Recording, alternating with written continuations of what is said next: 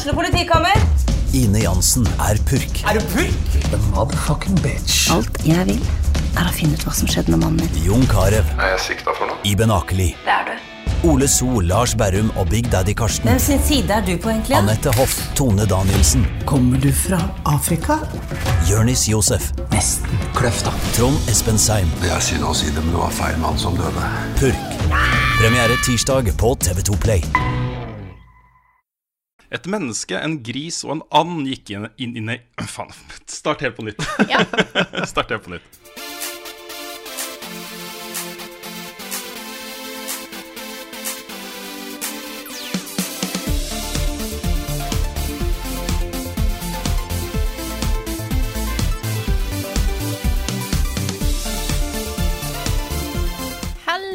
Og velkommen til en ny episode av podkasten Level Backup. Med meg Frida Danmo, og med meg har jeg selvfølgelig Karl Martin Hogsnes og Rune Fjell Olsen. Hallo, folkens. Hello. Hei, Frida. Hvordan har vi det i dag? Bra. Awesome. Det er 1. mars. Det er offisielt nesten vår. Ja, det er første vårdag. Ja. Ungene har vært veldig opptatt av det. Og nå er det vår, sier de. Nå er det vår, og så er det sånn ti minus. Ja, for det syns jeg er fascinerende. Fordi at jeg, jeg, jeg må bare kommentere det. Fordi at eh, jeg har allerede lagt det ut på Twitter. Dette syns jeg er Ja. viktig for meg. Jeg gikk ute eh, mellom byggene her på NTNU før i dag. Og så hørte jeg noen som sa Å ja, ja det, det er en så fin vårdag i dag. Og så er det bare sånn Bitch, please! Det er minus 21 grader! Det er ingenting vår her! Så det er min eh, dag akkurat nå. Nei, jeg, Det er jeg så det i stad. Det var veldig gøy å se deg litt sånn Twitter-sinna. Nice. Det, mm. Nei, men jeg skjønner det. Er ikke, det føles ikke veldig vår, altså. Nei. Jeg var er ute og feira bursdag til Bjørn i går. Og det er så kaldt at det er nesten sånn Burde ikke gått ut. Ja, Mm. det, det Jeg husker Ja, det er ille. en, jeg husker jeg så en sånn webcomic en gang som het Det der var uh, Og ei som sto og bare sa eh, The air hurts my face. Why do I live somewhere where the air hurts my face? Og det er egentlig akkurat sånn jeg føler det nå. Det gjør vondt å gå ut forbi. Mm. Yes. Men tenk dere så deilig det blir med vår, da. Det er Ja, jo derfor det. vi går, tåler å gå og fryse litt. ja, Og så er det noe veldig sånn Vår er det beste. Ja, Vår er vår er det beste, uten tvil. Mm. Og så er det noe litt sånn søtt og koselig med den eh, forestillingen med at, eh, at første vårdag så blir det bare vår. Ja. Uansett hvor kaldt det har vært. Liksom. og Ja, Ikke sant? mm. Så vi kan jo late som, da. Ja, det kan vi. Vi har, sol, vi har sol inne og sol i hjertet og sol i skinnet, så vi skal lage en kickass-podkast. Sol i skinnet. Jeg, mente, jeg mente sinnet. Ja. Vi kan ha sol i skinnet òg, da. Ja, det, ja, det er for så vidt det òg. Ja. Hvis det er sol, så er det sol i skinnet. Jeg, om, jeg, jeg tenkte på at sola skinner, og så ja. Ja, ja. ble det bare sånn. Du vet, nå, Det nå, det sånn, nå, må vi, nå må vi poengtere alle tinga du sier feil, Rune. Ja. Det er, eh, dette Ja, er da, en det dør du har åpna. Ja, jeg sa mange ting feil i forrige podkast også, så det er bare å ta fram notisblokka og eh, spanskrøret. Ja, Nå slår vi hardt ned, altså, Mm, på alt eh, grammatisk Mm. eh, feil her. Mm. I love it. Da spoler vi tilbake, og så poengterer vi det, og så går vi videre. Ja. Men da syns jeg du kan få lov til å begynne, Rune, og fortelle litt om hva du har spilt i det siste. Jo, nå skal dere høre, folkens. Jeg kan begynne med det som jeg syns var litt uh, festlig. Fordi uh, jeg er jo ganske glad i bilspill. Jeg har, spilt masse bilspill opp igjennom. Uh, og så så jeg at det kom et uh, bilspill som jeg hadde veldig lyst til å teste nå denne uka her. Uh, eller om det var fredag, det husker jeg ikke helt. som heter Gravel. Som er et sånn offroad racingspill. Arkadebasert, det er ikke simulasjon, det er et Arkade-racingspill. Litt i gate med Dirt-serien og Motorstorm-serien. Også veldig like de. Så da tok jeg kontakt med publisher og spurte om det var mulig å få en review-kode til Steam. Og det fikk jeg sånn umiddelbart.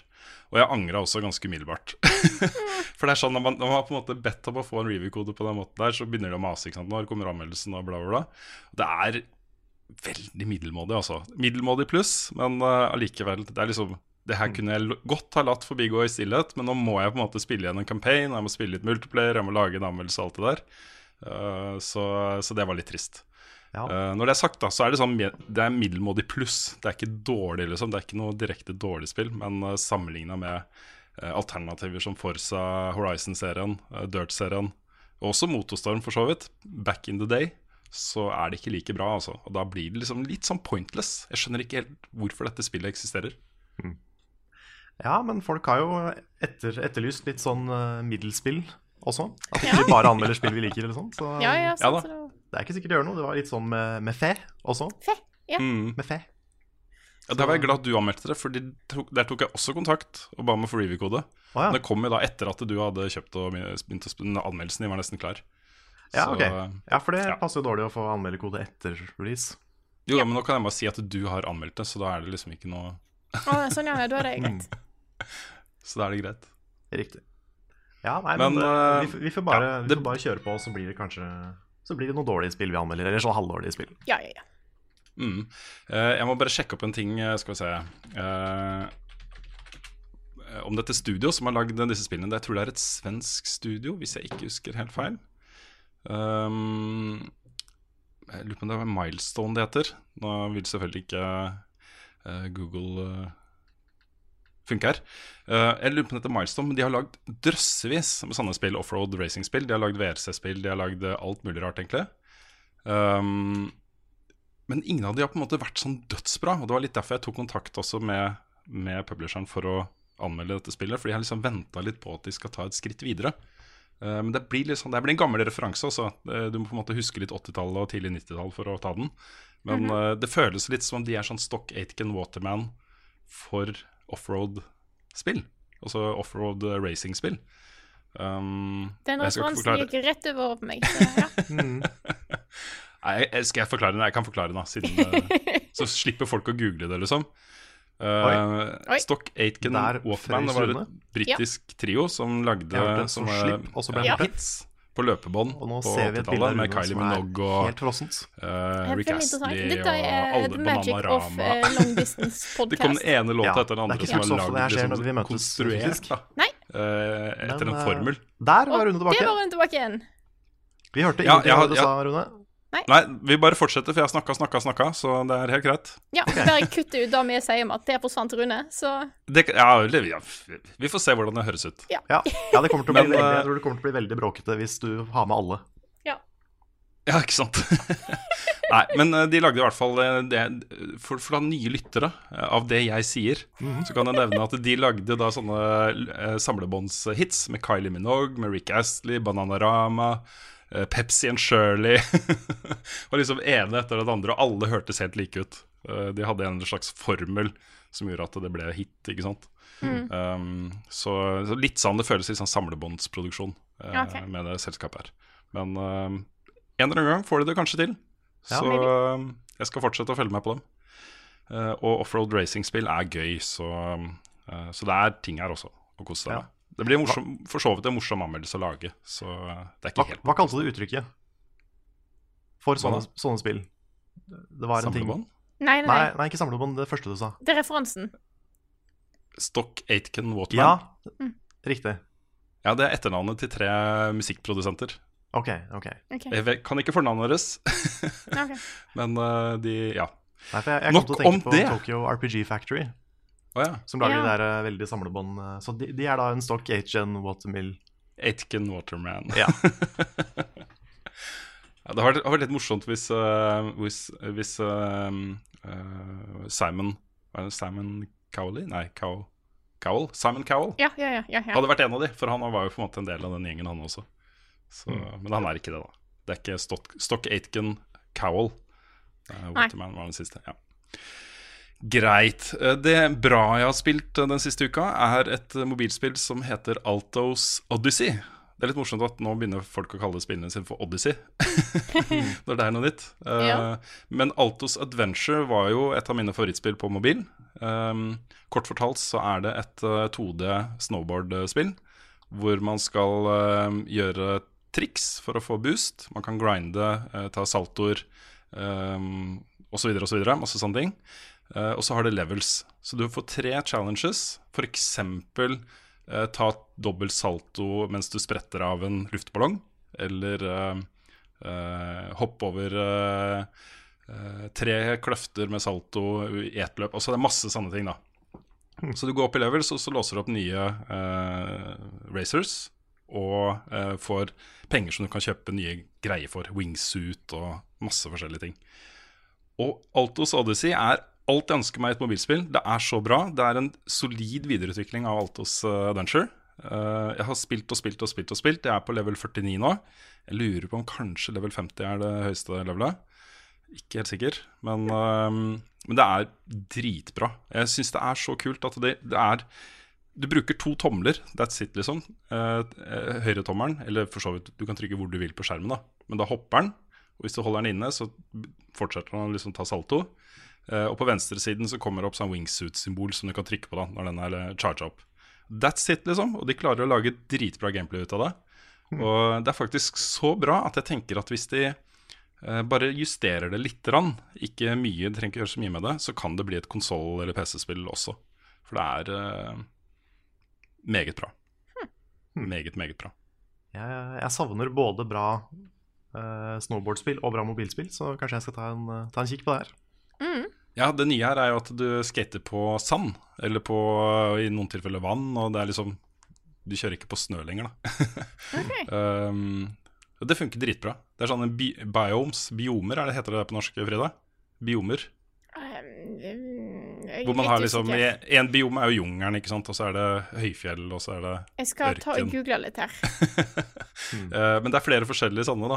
Eh, og eh, selv om det er liksom bare én bane her, hvor du kjører fra biome til biome Nå bare bruker jeg det uttrykket hele tiden, helt til Frida har funnet ut. ikke sant? Ja, bare kjør på. Jeg kjører, jeg går i ordboka, jeg, så.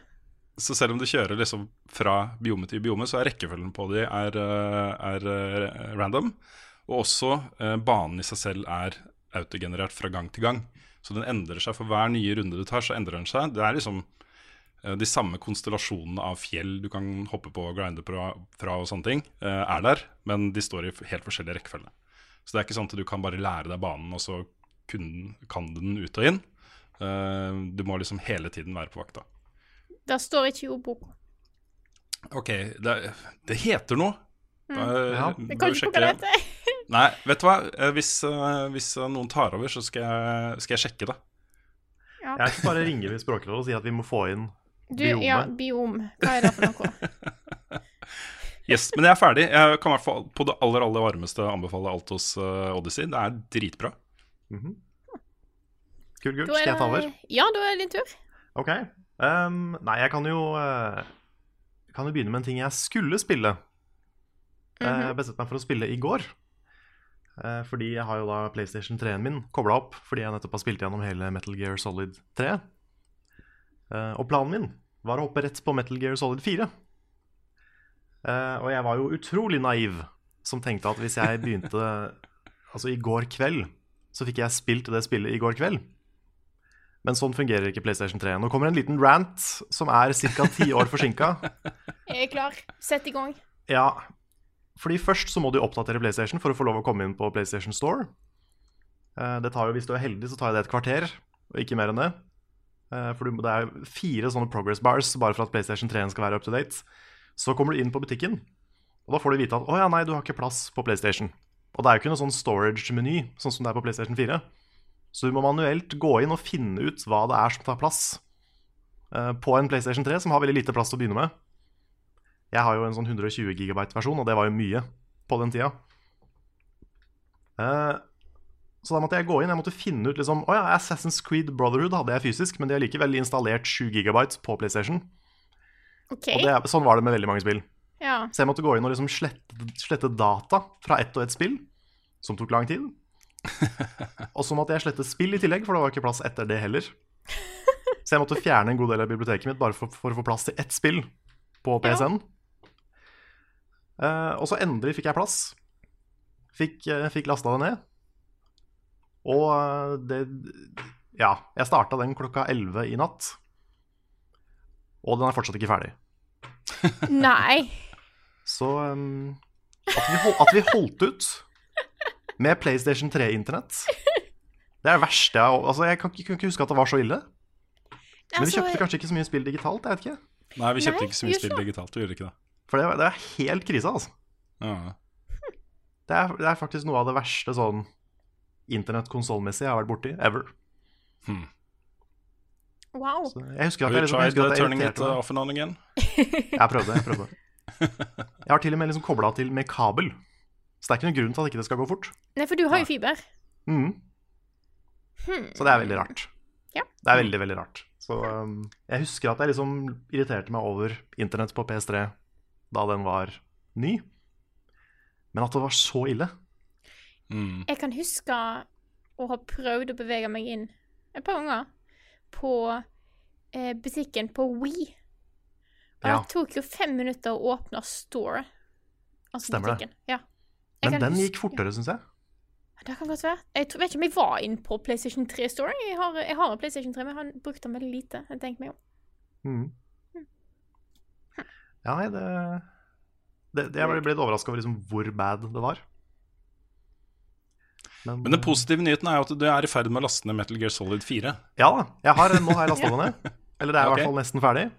Ja. Så en dag skal jeg få begynt å spille det. Ah, jeg gleder meg til å høre hva du syns, altså. Ja, jeg Jeg, gleder meg sjøl. eh, jeg gleder meg til å høre om at det har skjedd et eller annet feil på slutten av nedlastingen, så du må gjøre alt på nytt. Det kan godt hende. Fordi jeg vet ikke om jeg hadde nok plass. Kanskje jeg bare hadde nok plass til å få lov å begynne å laste ned, og så Error. You Ja. have bla, bla, bla. Men jeg må sikkert oppdatere spillet, da. Ja. Så da blir det jo fire progress bars til. Og så kanskje de må installere noe, og da blir det ja. Ja. Så det blir spennende å se om jeg får lov å spille fireren. Interessant. Mm. Det er en Ja. av de morsomste eh, hva skal man si, eh, improv-tingene du har gjort uh, i level-up-sammenheng også, Carl. Når vi satt og skulle spille et eller annet på PlayStation 3, eh, duellen eller et eller annet, og så måtte vi gjøre en del oppdateringer. Og på opptak så du bare This is progress. Bars. Ja, stemmer det. Det var sånne ting Ja. Som vi filma sånn på mens vi venta. Ja, stemmer. Stemmer. Ja, nei, ellers så, ellers så har det vært um, litt sånn småspill. Vi spilte jo eh, Mount Your Friends 3D på stream. Oh yes. Og uh, uka før spilte vi det derre Full Metal Furies. Mhm. Ikke Furries, men Furies. Yes. Og spilt med Eh, Rust. Ja, det gjorde vi også.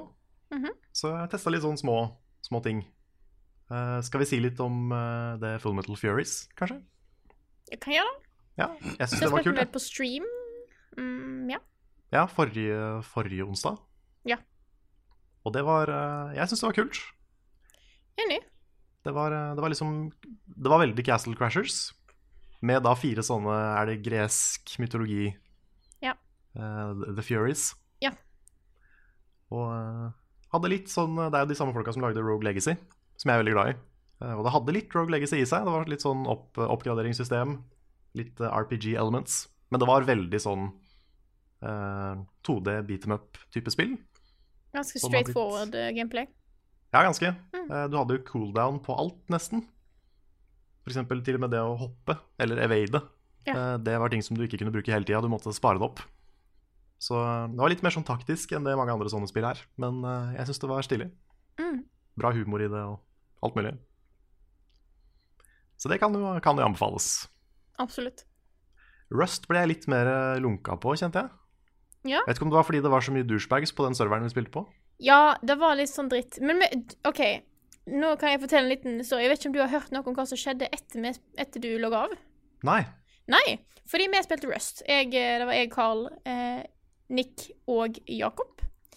Uh, og vi lagde et hus, og ingen av oss var sånn veldig ruta i Rust. Så vi fer nå rundt der og uh, soso litt rundt. Dør litt her og der. Og så kommer det en eller annen dust og stjeler huset vårt. Og setter en lås på døra, som kun han har tilgang til. Uh, og vi ble jo bare kastet eh, Var du der når dette skjedde, Carl? Nei. Nei. Jeg var, der, jeg var der de første par gangene som noen prøvde å ta over huset. Ja, det var en del som prøvde å ta over huset vårt hele tida. Men så logger du av, og da i Rust så legger du deg til å sove da, i en sleeping bag. Så karakteren din er på en måte alltid i verden, hvis ikke du dør.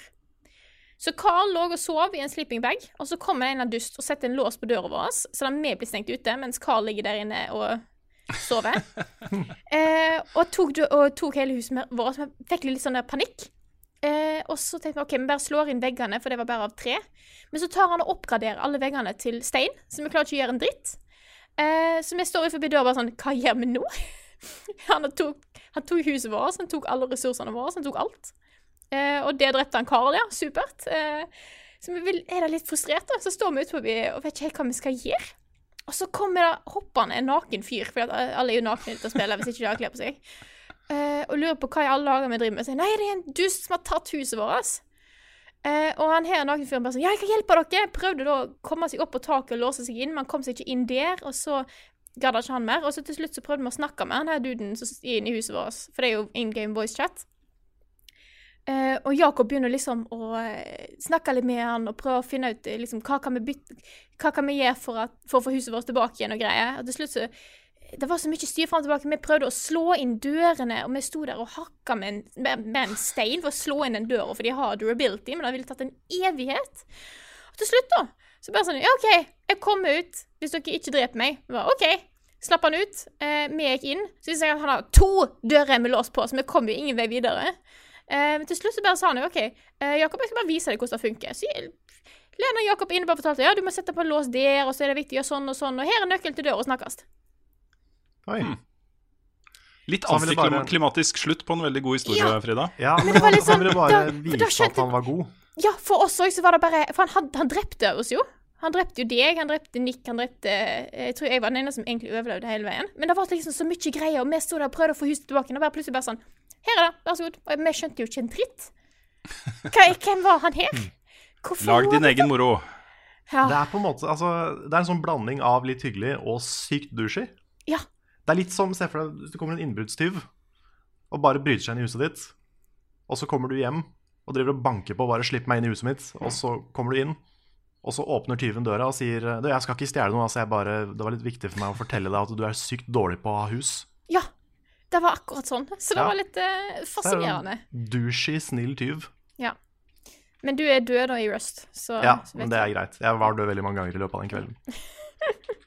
Det kan hende det blir mer gøy når man er god, Ja, jeg ser for men, meg da. eh, mm, men det, datt, det falt litt sånn i samme, samme bås som eh, Ark og sånn for meg. Ja, det er jo en gjeng av disse store liksom crafting survival-spillene som kom samtidig. Mm. Så jeg klarer ikke helt å Det var, det var festlig fordi at det skjedde så mye rart. Men eh, det er ikke et spill jeg kommer til å sette meg ned og spille sånn utenom, Nei. Det var morsomt at du starta helt naken. Ja. Det var litt gøy. Mm. Og det var ikke noe sensur eller noen ting. Det var bare, Her var det masse penis. Yep. Sånn straight up. Så det var, eh, det var sånn Oi, vi begynner der. Ja. Så det var jo Helt interesting. Men uh, Du, Carl? ikke. Ja. Um, du som har PSVR-settet, du bør teste Moss, altså. Jeg ser det får eh, veldig mye hyggelig omtale rundt omkring nå. Ja, jeg har sett litt på det. Jeg tror jeg skal Jeg har ikke kobla det til, men jeg må bare Bare få gjort det. Så kanskje jeg skal få Mm. sett litt på det. Do it. Det høres så hyggelig ut. Mm. Men hvis du var ferdig med din uh, del av uh, hva du har spilt Det er jeg.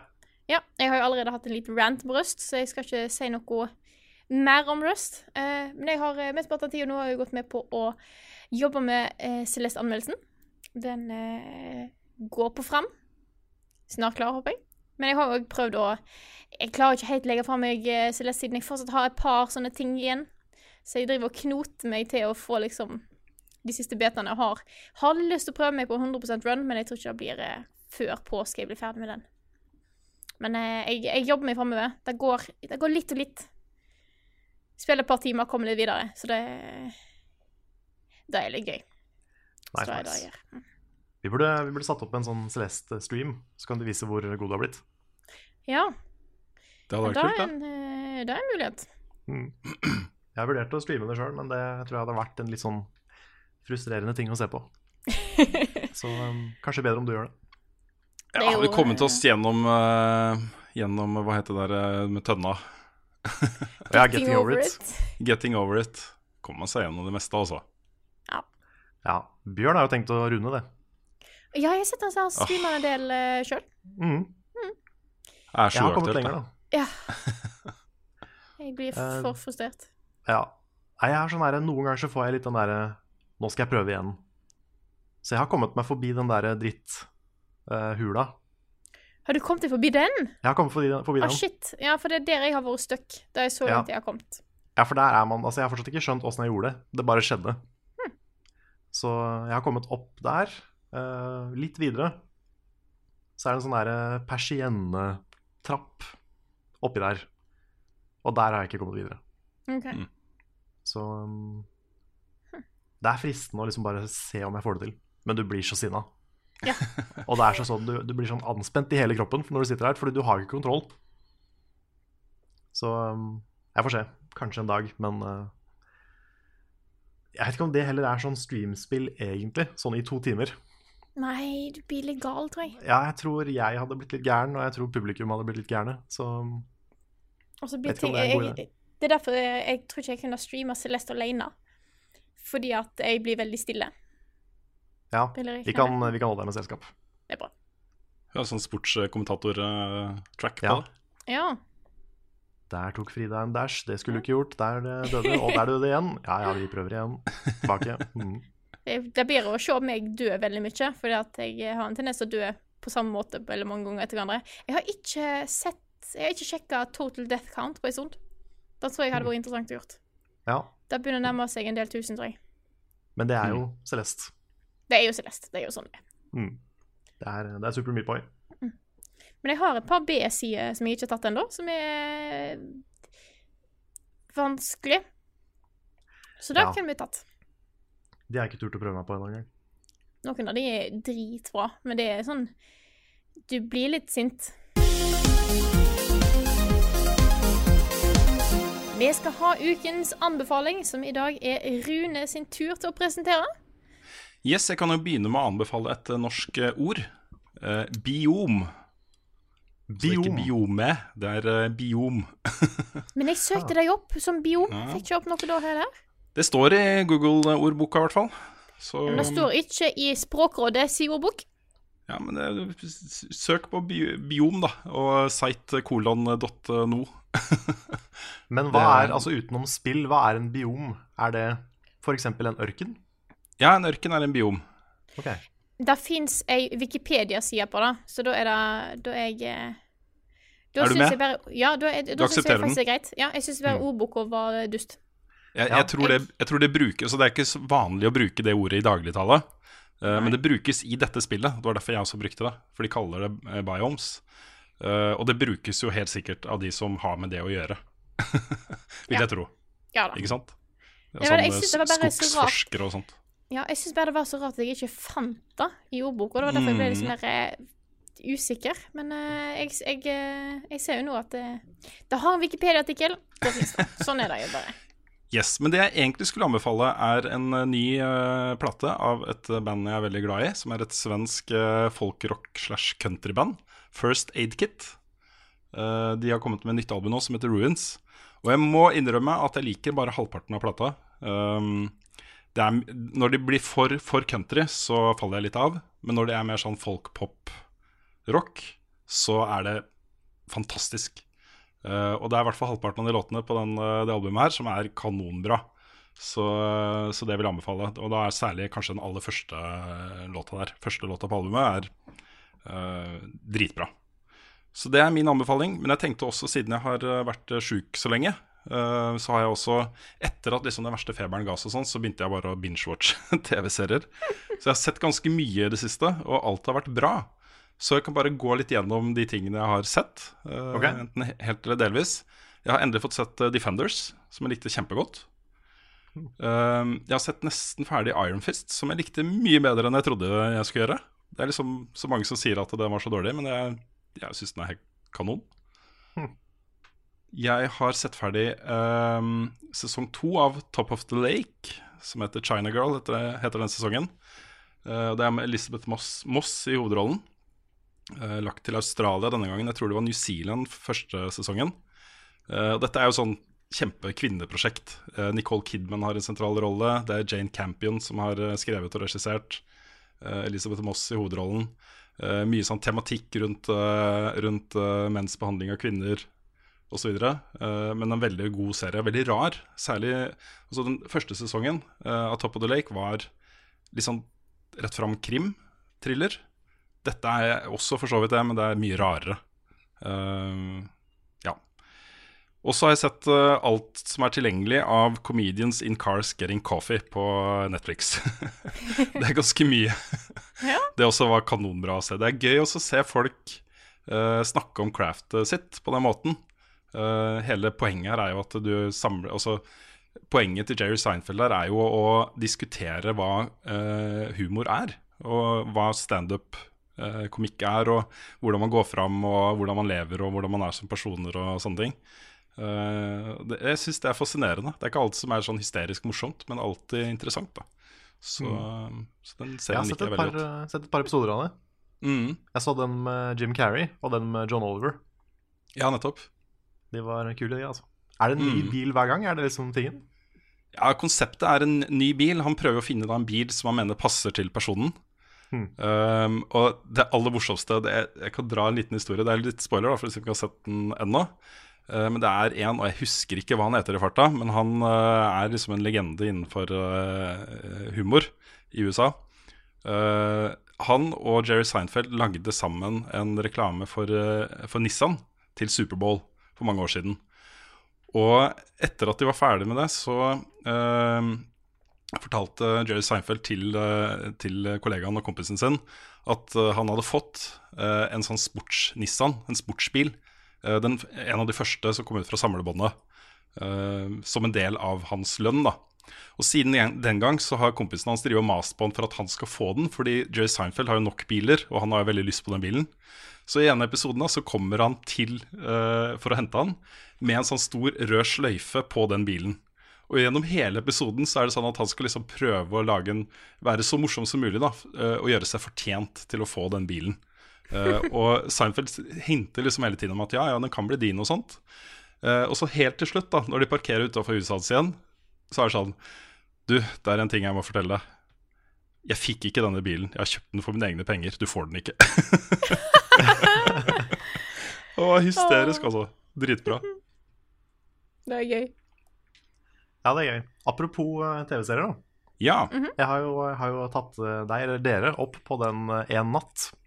Ja. Mm. Så nå har jeg sett hele den. ja. Jeg syns den var bra. Det var Jeg ble litt skuffa kanskje over slutten. Jeg hadde håpa at den skulle være litt mer sånn Jeg, være Jeg har ikke sett den helt ferdig ennå, faktisk. Du har ikke det? Har Da du skal jeg ikke si, skal ikke si mer. Ikke si hva som skjer, men jeg hadde håpa på en litt mer sånn Jeg vet ikke, noe litt mindre forventa for min del. ja, jeg ser den. Jeg, jeg tenker at her var på en måte formspråket og, og reisen og uh, det som skjer underveis, som var det viktige. Mm. Så jeg, jeg, har, jeg får, har ikke forventa meg noen sånn stor, stor slutt, egentlig. Nei. Nei, for det, det er jo det som er det kule. Det at det faktisk er minutt for minutt. Mm. Det Kameraet stopper aldri. Du får se absolutt alt som skjer i løpet av én date. Mm. Det er, eh, det er kjempekult, altså. Jeg så jo alt sammenhengende Ja. fra Mm. start til slutt. Så det Ja, det er den beste måten å se det på. Mm. Mm. Og så er det, det er en sånn typisk serie som, liksom, som handler om hovedpersoner som er så veldig uperfekte. Ja. Og det liker jeg. At det er, de er så veldig usminka. Mm. Mm. At de, har, eh, de er voksne mennesker med mye bagasje og mye issues. Og det er litt kult. For de virker så veldig ekte. Mm. Og det er jo litt det som er så bra med Dag også, som de også har laga. Jepp. At det er, eh, det er så veldig sånn menneskelig og fullt av feil, liksom. At folk, hovedpersonene er så fulle av problemer. Mm. Så jeg syns det var kult. Veldig stilig. Og så er det noen scener som plutselig som er bare sykt morsomme. Ja. Sånn, det er ikke en morsom serie egentlig, men av og til så blir det veldig morsomt. Mm. Jeg er helt enig.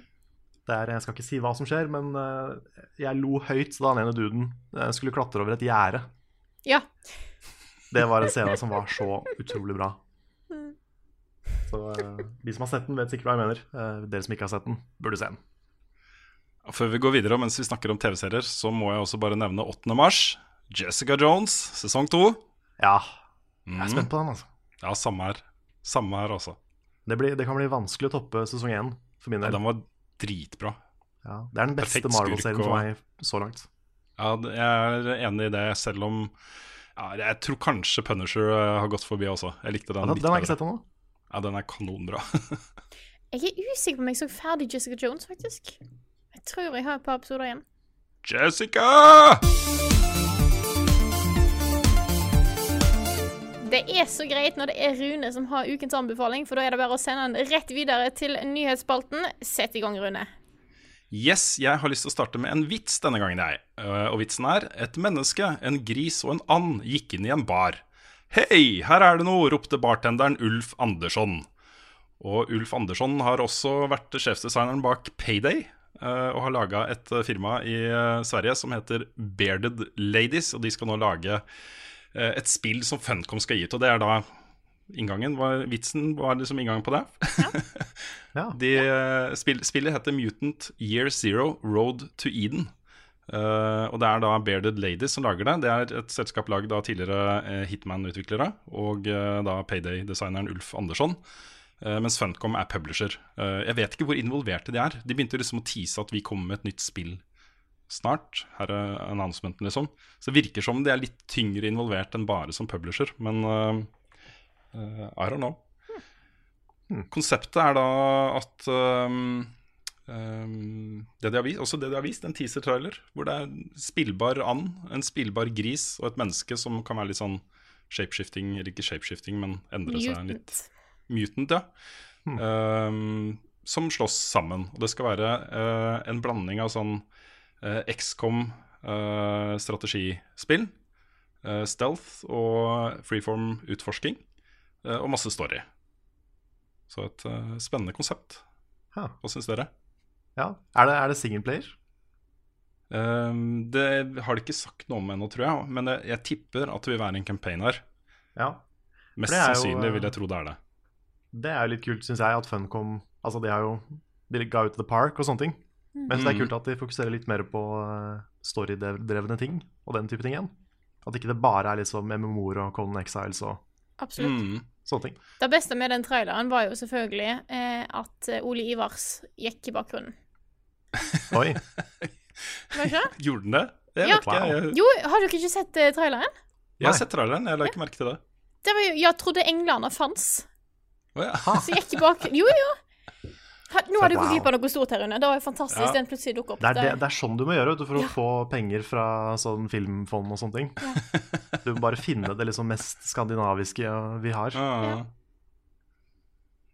Nei, jeg syns det er spennende. Det er liksom, jeg syns det er interessant at de er publishere her også. At ikke de eh, eh, lager det selv, men at de fronter det og pusher det ut, på en måte. Så um, Så vi får se. Det er nok eh, flere ting på gang i Funcom også, vil jeg anta. Nå skal de først få ut Conan Exiles, men jeg tror ikke det tar så lang tid før vi får en ny announcement på noe de uh, utvikler selv heller. Så, så spennende. Veldig. Det, de, det de må gjøre, vet du, de må, de må putte inn Bjørn Eidsvåg i spillet. og så liksom, Hvis det er en dør du ikke får opp, så kan han stå på andre sida av døra og synge liksom forsiktig sånn 'Jeg ser at du vil inn, men jeg kan ikke åpne døra for deg'. og så er det liksom hele puzzle-mekanikken, at Bjørn Eidsvåg kommer og sier hva du skal gjøre. Ja. At du må gjøre det sjøl, fordi han Ja, ja, ja. gidder ikke å hjelpe deg. Nei, det, det Sånn får du støtte til norsk en- eh, produksjon. Ja, send en twittermelding til eh, Funcom uh, om dette her. De er nok mm. med på den. Ja. Ja. Greit. Det skjer jo ikke så mye i spillenes verden om dagen. Jeg sliter litt med å lage level update, f.eks. Men uh, vi, vi kan jo ta de tingene som, uh, som er verdt å nevne. Eh, og det er jo absolutt verdt å nevne at PlayStation Plus-abonnenter har en ganske god måned nå i mars. Eh, da får de gratis både Bloodborne og Ratchet Clank-remaken. Det er en Det er en relativt saftig lineup av gratisspill, altså. ja, det er en bra måned, altså. Jeg tror det er Sony her som prøver å slå litt eh, mot den her eh, Microsoft sin Her får du spillgreier. Eh, Bare sånn, ja, Mm. her har dere det, det største vi har på PlayStation. Vær så god. Ja, ikke sant. Mm. Mm. Ja, det er, Jeg har, det er um, Jeg Bare fortsett. Ja, nei, jeg har, jeg har sagt det før, men jeg har lyst til å si det igjen nå som det er gratis. At eh, hvis du har tenkt at Bloodborne ikke er et spill for deg, bare prøv det. Nå får du det Ja, nå gratis. koster det deg ingenting. Det er jo Nå er det gratis. Bare hopp Mm. inn i det, og test det. Og test det litt til når du har lyst til å gi deg. Og så kanskje du blir forelska, på samme måte Ja. som veldig mange av oss har blitt. Jeg vil også slå et eh, solid slag for Ratchet Clank her også. Dette er jo remake av det aller første spillet, og det er så bra. Det er ordentlig koselig. Uh, masse, masse kule brett og ting å gjøre der. Så uh, det er også vel verdt å spille, for å si det sånn. Uh, de har jo også samtidig sagt at de skal slutte å gi ut eh, Vita og PS3-spill eh, på PlayStation Plus. Så fra nå av så blir det bare PlayStation 4. Nei. Det er fra mars 2019. Uh, ja, fra, jeg mente jo selvfølgelig mars 2019. jeg hadde ikke fått med meg datoen. Bra du, bra du følger med, Frida. Så det er et helt år til. Uh, så Helt jeg tenker at da må være innafor. Ja, det er innafor. Ja, De kunne starta nå hvis de ville. Det hadde Ja, vært greit. Mm. Jeg tror Det altså. det, er ikke, det er ikke så mange sånne Vita-entusiaster igjen, tror jeg. Det er noen. Ja, det er jo noen. Ja, og De hadde fått har- hørt det. Ja. Ja. Og, og vi, nå når vi vet hvor mye styr det er å få et spill på PlayStation 3, så tror jeg ikke det skal være et problem å Nei, vet du stoppe hva? den der. Hvis jeg slipper å laste ned et spill på PlayStation 3 igjen, så kommer jeg ikke til å begynne å grine. Altså. Mm. Det, er, det, det, er så, det er så pain, det. Mm. Kan jeg, kan jeg skyte inn en liten eh, nyhet til? Ja, men jeg har, jeg har flere ting, altså. OK, ja, kjør på. Ja. Um, før uh, PubG og før Fortnite Battle Royale så var det jo H1Z1. Jeg vet fortsatt ikke hvordan du uttaler det, men jeg sier det sånn. H1Z1, er det greit? Ja. Hensen. Ja, Det var jo også samme designer som også, Det var jo eh, Player Unknowns Uh, en, un, Player Unknown som var uh, sjefsdesigner for det også. Uh, men det har jo blitt satt fullstendig i skyggen av både PubG og Fortnite. Eh, nå prøver de å komme tilbake med en ny Battle Royale-modus som heter eh, Auto Royale. Og det er da eh, fire stykken i kjøretøy, opp, jeg tror det var opptil 40 kjøretøy på samme map, som kjører rundt og skyter hverandre. Så du skal ikke gå på bakken i det hele tatt, du skal bare sitte i biler og skyte hverandre. Så eh, ja, jeg vet ikke om de klarer å hamle opp med de to gigantene der, men eh, det er jo gøy å se de prøver. Er det spillet lansert ennå, eller er det fortsatt Early Access? Det tror jeg fortsatt er Early Access. Ja, Ja, så tror det jeg. Ja. Ja da.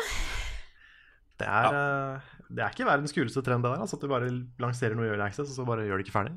Nei, ikke sant? Men akkurat eh, H1 Z1 er jo verst på det, da. Det er jo en av de Mm, store ja, det er har vært en eh, stund. Ja.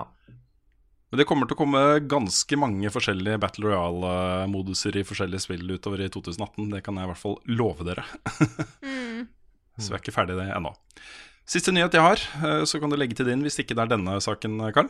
Ok. Uh, Og det er at endelig, endelig er Krono Trigger på Steam. Det var den saken. ja. Ja, Joho! det, på tirsdag ble det surprise-lansert ja. på Steam. Og det er den dårligste versjonen av Krono Trigger. Det er, det er ganske trist, altså. Mm. Og jeg var jo dum som jeg var, så bare hoppa jeg på og kjøpte det. Lasta det ned, testa det. Og var litt sånn naivt positiv i starten. Jeg tenkte at å ja, de har oppskalert menyen. Og så kom jeg inn i spillet, og så er det bare totalt krasj mellom det gamle og det nye. Altså det er forskjellig oppløsning på forskjellige deler av skjermen, liksom. Wow. Nice. Og teksten er dritstygg. De nye menyene er laga for Android, for touch-skjermer. Så det er bare sånne svære, stygge, uh, lavoppløste knapper. Som ikke matcher originalstilen på spillet i det hele tatt. Hele spillet har de lagt på en sånn blurry, stygt filter. For å gjøre det mindre pikselert, på en eller annen måte. Men det ser jo bare ut som du trenger briller, liksom. Og så har de forsa det til widescreen på en sånn veldig stygg måte. Så det er, eh, det, det er trist, altså. Mm. Det er et av tidenes beste spill, og så får det så ræva behandling. Og det er litt typisk eh, Square Enix å gjøre det. Fordi eh, spesielt versjonen av Final Fantasy 5 og 6 på Steam er også sånn. Der har de laga en ny visuell stil som er styggere enn den gamle. Som også bare er totalt krasj mellom forskjellige sånne grafiske elementer. da. Så eh, her må de, her må de skjerpe seg. Rett og slett. Det er ikke bra Det er nok. dårlig gjort. Skikkelig dårlig Det er dårlig gjort. Jeg synes eh, Det er noen som hater de versjonene av eh, PlayStation 1-generasjonen også. Jeg syns den er OK. Sånn type Final Fantasy 7, 8, 9. De kan du fint spille på Steam. Um, men det er mye drit, altså. Så hvis du vurderer å kjøpe noen Final Fantasy-spill på PC, bare sjekk om de har gjort en god jobb først. For det har de, det har de ikke gjort med noen av de. Uh, og de har i hvert fall ikke gjort det med Krono Trigger. Det er nesten sånn der uh, Ja, nei, jeg skal, ikke- jeg skal ikke si det. Det er litt trist, altså. Mm. At de ikke har mer respekt for sine egne store spill enn det. Mm. Det er sånn, Hvis du vil støtte Kronotrigger økonomisk Det er sånn, dette er, det er kanskje litt på kanten å si, men du kan kjøpe det, og så kan du spille det på emulator. Mm. For da har du betalt for det, men du får en bedre opplevelse. Ja, Vi kan jo da et spørsmål også som har kommet fra Simon Friis Jørgensen. Han spør da oss hvor, eh, hvor man spiller Kronotrigger. Ser etter en Ja. måte å spille det på, men finner det ikke. Nei, det, er jo, det ene er jo Yarhar. eh, Det andre er uh, å spille det på Wii, eller Wii U. Mm. For der kan du laste det ned på Wii-versjonen av Virtual Console. Mm. Så det går an. Og så finnes det også på DS. Jeg har hørt at den versjonen er helt OK. Ok. Så det, er, det finnes måter, altså. Ja, Men det du sa om å kjøpe det, og så eh, spille emulatorversjonen, det er jo etter det jeg har fått med meg innafor norsk lov. For eh, lyttere eller noen av dere arresterer meg på det. Men uh, jeg mener å huske det var på en måte resultatet av den DVD-Jon-saken for mange år siden. Det har sikkert skjedd Ah, ja. ting etter det, da. Okay. Men uh, så, lenge du eier en fysisk kopi av spillet, så kan du på en måte gjøre hva du vil med det. Mm. Samtidig da, så føles det jo litt skittent å kjøpe den versjonen her også. Ja, Ja, da støtter du liksom at, at det har gjort en skittig jobb. Ja, Mm. du støtter den der superskittige relanseringa av en For det som har skjedd, er at de har porta Super Nintendo-originalen til PlayStation 1, var det første de gjorde. Så porta de den til DS, og så porta de DS-versjonen til Android. Og nå har de porta Android til Steam. Mm. Da er jo rett rekkefølge å gjøre ting i Ikke Ja Mm sant? Mhm. Så, og det er sånn, det skal ikke så mye til å bare gi det spillet det, den kjærligheten som det fortjener. Og Det bare gi det ut i den formen. problem å gitt ut en pikselert versjon? Det er liksom bare Nei, sånn Nei, det er ingen som hadde klaga på. Nei. I det hele tatt. fordi at han kom originalt til SNES, right? Mm. SNES-spill kan se dritbra ut på PC. Det kan det. Ja. Ja, jeg vil også nevne at, uh, at uh, den samme produsenten som lagde den aluminiums-nessen som du vant uh, i duellen, Frida, Mhm. de har nå kommet med en Super NT, NT som er da en HDMI SNES. Uh, Så hvis du har lyst til å spille gamle spill, inkludert av Kronotrigger, så kan du jo gå retroveien og skaffe deg en konsoll som faktisk kan spille ekte kassetter, liksom. SNES-kassetter. Um, og gå litt på jakt etter eh, spill, da. Eh, og den funker jo kjempebra mot eh, moderne TV-er også. Så Mm. Men én ting da, som er litt viktig å huske på, uh, det er at Kronotrigger aldri ble lansert i Europa. nei. Åh. Så da må du ha amerikansk utstyr i så fall. Nei, nei, nei. Mm. Med denne aluminiums-snessen så kan du ta sikkert eh, både amerikansk og japansk og alt sånt Ja, som du kan kan på min. Det kan hende. Men hva er Ja, det prisen tror på den Hvis der eh, spillet kan være vanskelig å få tak i. Ja, da er det sant. Men hva Ja. er prisen på dette vidunder-greiene? 190 dollar. Det er faktisk ikke så galt. Nei, det er ikke så gærent. Nei. Det er liksom Ja, da blir det? 1500 ca.? Ja. ja. Hvis det er bra bildkvalitet på den maskinen, så er jo det Det er jo et Mm. Absolutt. Absolutt. Nok en gang har dere sendt oss masse spørsmål, men vi har faktisk valgt ut et uh, ukens spørsmål som ikke ble sendt inn direkte, men som ble tatt opp i Level Up Community. Vi skal ha ukens spørsmål. Uke, uke, uke, ukens, uke, uke, ukens spørsmål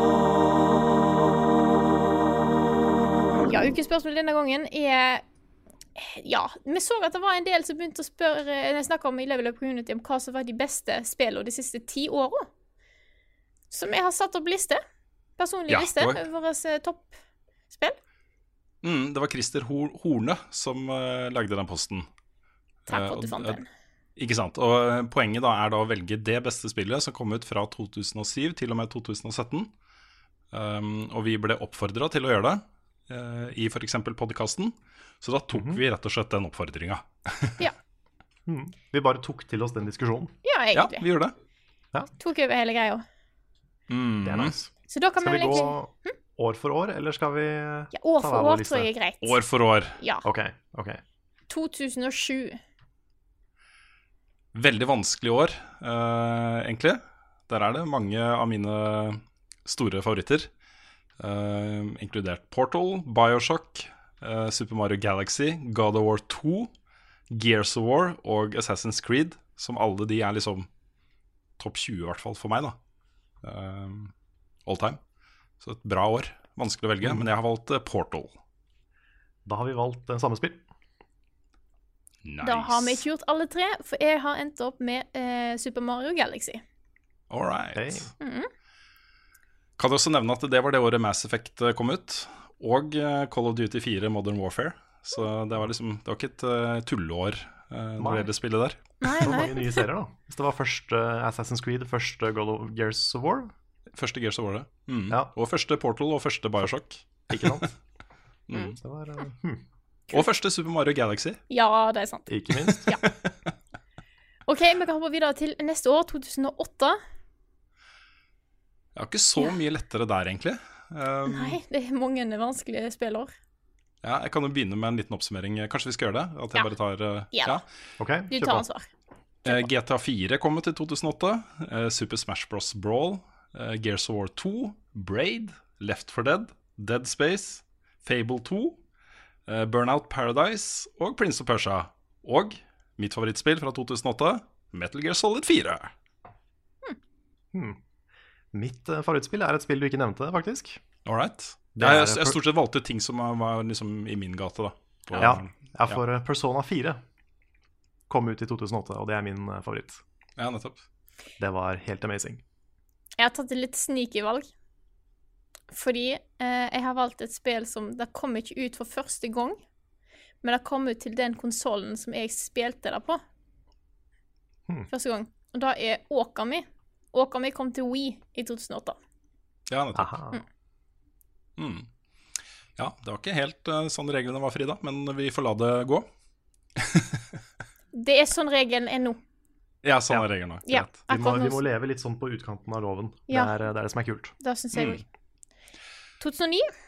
Ja, da har jeg valgt eh, da remaken av eh, eh, Atari-spillet fra 1984. Uh, nei, det er bare tuller. det var jo det året som Minecraft kom ut. Ja. eh, Det var det. Offisielt. Det er min, mitt valg for 2009. Det er litt Eh, men i hårfin konkurranse med Uncharted 2, um, og også det året Demon Souls uh, kom ut, Assassin's Creed 2 kom ut da, Uh, Batman Arkham Asylum, og en annen stor personlig favoritt, Shadow Complex. Så det var også et uh, bra år for meg, altså. Ja. Mm. Ja, det, det ble Minecraft, altså. Ja, jeg, vurderte, ja, jeg vurderte Minecraft, men jeg går for en uh, annen personlig favoritt. Uh, jeg, altså, jeg har hatt mye gøy med Minecraft, men jeg føler dette spillet her er bedre. Og da er Little Kings Story til Wii, Mm. som er en av mine favorittspill til Wii. Det har jeg ikke spilt. Anbefales. Hmm. Mm. Litt sånn eh, Altså, sånn RTS i den forstand at Pikmin er et RTS. Mm. Ja, ja, ja men Pikmin er jo et, eh, er jo et RTS. Ja. Ja, vi kan Skal vi gå videre til 2010? 2010. Ja. Eh, også et vanskelig år. Super Mario Galaxy 2, eh, Mass Effect 2, Limbo, Civ 4, Bayonetta og min favoritt, Red Dead Redemption. Det blir litt sånn derre eh, TV-shop-host. eh, Ja, ja, det er viktig, det. Ja eh, mm, Red Dead Redemption de Poix. Så du går for Red Dead Redemption? jeg, jeg, går, jeg gjør det. Mm. Ja. ja, mm. Ja. Uh, ja, nei, jeg går for eh, Mass Effect 2. Og jeg går for Super Mario Galaxy 2. Hei. Det var, det var stor spredning. Ja. så jeg hører dere på det, for dere som lever fortsatt i 2010. Det er tre kule spill dere kan sjekke ut. Ja. Får dere time travels der ute? Mm. Travelers, ja. Mm. Ja. 2011. Greit. Kjør på. Ja, det, det ble det vanskeligste året for meg, fordi jeg driver og spiller et spill nå som kan ende opp med å bli mitt favorittspill for, uh, fra det året, uh, Ja. nemlig Dark Souls. Yeah. Uh, usikker, eh, fordi det som er mitt favorittspill offisielt, er jo også fantastisk. Portal 2. så, så jeg velger Portal 2, men det var også det året som Skyrim kom ut. Eh, Skyward Sword, Zelda-spillet. Eh, og Rayman Origins har jeg satt opp. Jeg eh, går òg for Portal 2. Må Mm. jeg Jeg si må nesten, da. Men det er jo en av mine favorittspill of all time, så Ja. Yes. Nei, det var, det var hard konkurranse mellom det og Dark Souls for meg. Men det ble, det ble Dark Souls. Ja. Jeg har jo mistanke om at det ender opp der også. Ja. Jeg er jo, har ikke kommet så langt i spillet. Jeg vet ikke hvor mye jeg har igjen. Det føles ut som jeg er sånn en fjerdedel ute eller noe sånt. Men, øh, ja, ikke sikkert det er så langt unna. så jeg må nok spille det mer for at det skal kunne hamle opp med den store, mektige Portal 2. Men uh, Mm. kanskje. Maybe. 2012 ser mye spakere ut. Der har jeg egentlig bare satt opp to spill som jeg vurderte på min liste. Det er sikkert flere spill dere har på deres lister. Eh, Men de to jeg har satt opp, er Journey og Dishonored. Og jeg velger meg Journey. Journey står òg øverst på min. Ok. Min øverste er eh, The Walking Dead. Men andre Ja. gode spill som kom eh, det året, er jo blant annet Xenoblade Chronicles, som er en av de Ja, beste JRPG-er til Wii. Mm. Mm. Så ja. Ja, det var vel i året jeg begynte i VG, tror jeg. Det var et litt sånn kjipt spillår, det. Ja, det var ikke voldsomt mange greier. Nei. Jeg husker også Journey var vel en eh, papiranmeldelse. Vi hadde jo ikke begynt Ja, vi hadde Jo. Jeg tror jeg skrev en tekstanmeldelse av det. Jeg husker ikke. Greit. Vi hopper videre, vi. eh, det- Til 2013. Ja. Også et kanonbra spillår. GTA 5, The Last of Us, Bioshock Infinite, Super Mario 3D World, Selda, Zelda Link Between Worlds til 3DS, uh, The Stanley Parable, Nino Kuni og Brothers har jeg satt opp. Um, mye bra spill. Det, er, det må bli The Last of Us for min del. Samme Selv om eh, flere er veldig, veldig nære der, så er det en klasse for seg selv, altså. Mm. Da har vi en eh, three for three. Ja. Last of Us på alle. Yes. Mm, kult. Jeg, eh, det er litt morsomt, fordi at jeg tar utgangspunkt i ei liste som jeg lagde i april i fjor. For da var det veldig mange sånn Sett dine favorittspill fra året du ble født, og fram til det året det var. Eh, og der på 2013 så står det Bioshock Infinite, parentes, tror kanskje det står The Last of Us her etter påskeferien, for jeg hadde jo tenkt å spille The Last of Us i påskeferien. Ja, så det har jo blitt endra. Det ja, du, du satt jo på TG og spilte The Last of Us, gjorde du ikke det? Jo, prøvde å spille det Stemmer blant all den der musikken musikken som Mm. ble blæsta rundt omkring meg. Jeg husker Vi hadde jo en, eh, en lang diskusjon der da vi skulle kåre årets spill. Uh, vi, var jo, vi vurderte jo The Stanley Parable, husker jeg. Ja. Ja, vi hadde hver vår liste det året, husker jeg. Ja. Og eh, begge to var ganske nære å velge Stanley Parable. Mm. Men, eh, det var en ganske fantastisk opplevelse. Mm. Greit. 2014. Eh, jeg kan garantere dere eh, at dere ikke har samme spill som meg. Uh, jeg har satt opp Monument Valley, ja, for det er jo et av mine favorittspill på mobiltelefon. Mm. Uh, Dark Souls 2, eh, Wolfenstein The New Order og Destiny. Destiny, ja. Mm. ja. Mm. Ja. Ja, jeg velger på en måte Des Destiny litt i retrospekt. Hvis du ser for deg liksom alle de tre årene med oppdateringer til det spillet, så eh, er det naturlig eh, at jeg velger det spillet, selv om ikke det ble ordentlig ordentlig bra før eh, et år etterpå, eh, i Mm. 2015. Så eh, er det, ville det ville vært rart å velge noe annet, egentlig. Nei, sant. For min del. ja. Jeg, jeg har satt opp Child of Light, men når du sier Wolfenstein, så kanskje det faktisk er over. Mm. Det spilte jeg ikke før i fjor, så det er mulig at jeg faktisk setter Wolfenstein over Child of Light. Mm. På min så står det Bajonetta 2. Aha. Of course. Mm. Enkelt valg. Greit. 2015. Skal vi bare telle til tre og si det, folkens? Jeg vet ikke om du er med på den, eh, Frida? om du Eh, har samme spill? 2015? Ja. Er jeg har Jeg er, ikke, jeg er ikke i samme spill, tror jeg, Rune. Nei, for jeg tror jeg Karl har samme spillet. Ja. Ja. Uh, ok, Nå fikk jeg ikke med meg hva dere sa. Jeg tror at du tenker litt feil her, fordi at jeg er veldig sikker på at jeg og Carl har et annet spill enn deg. Og at jeg og Carl oh, ja, okay. har samme spillet. Mm. Ja, så, dere, så dere har noe annet enn Bloodborne? ja, vi har det. Jesus Christ, altså. Hva er Ja, det feil med dere? Nei, for du skjønner at 2015 var et helt sånn crazy år. Ja. Mens, mens du satt og bare 'Destiny Taken King', så hadde vi spilt liksom alle de beste Å spillene. ja, det er det der, ja. Ja. Jeg skjønner. Da Kan kan dere gjette? telle til tre, da, og så kan dere si det. ja for okay. at vi er så, det er så synk. Ja, Mm. det er det. ikke sant? Hvis, hvis Rune teller, så kanskje det Ja, blir likt for Ja, kanskje det blir likt, da. Ja, Én, to, tre. Undertale. Ja, Undertale. Selvfølgelig. Var det likt?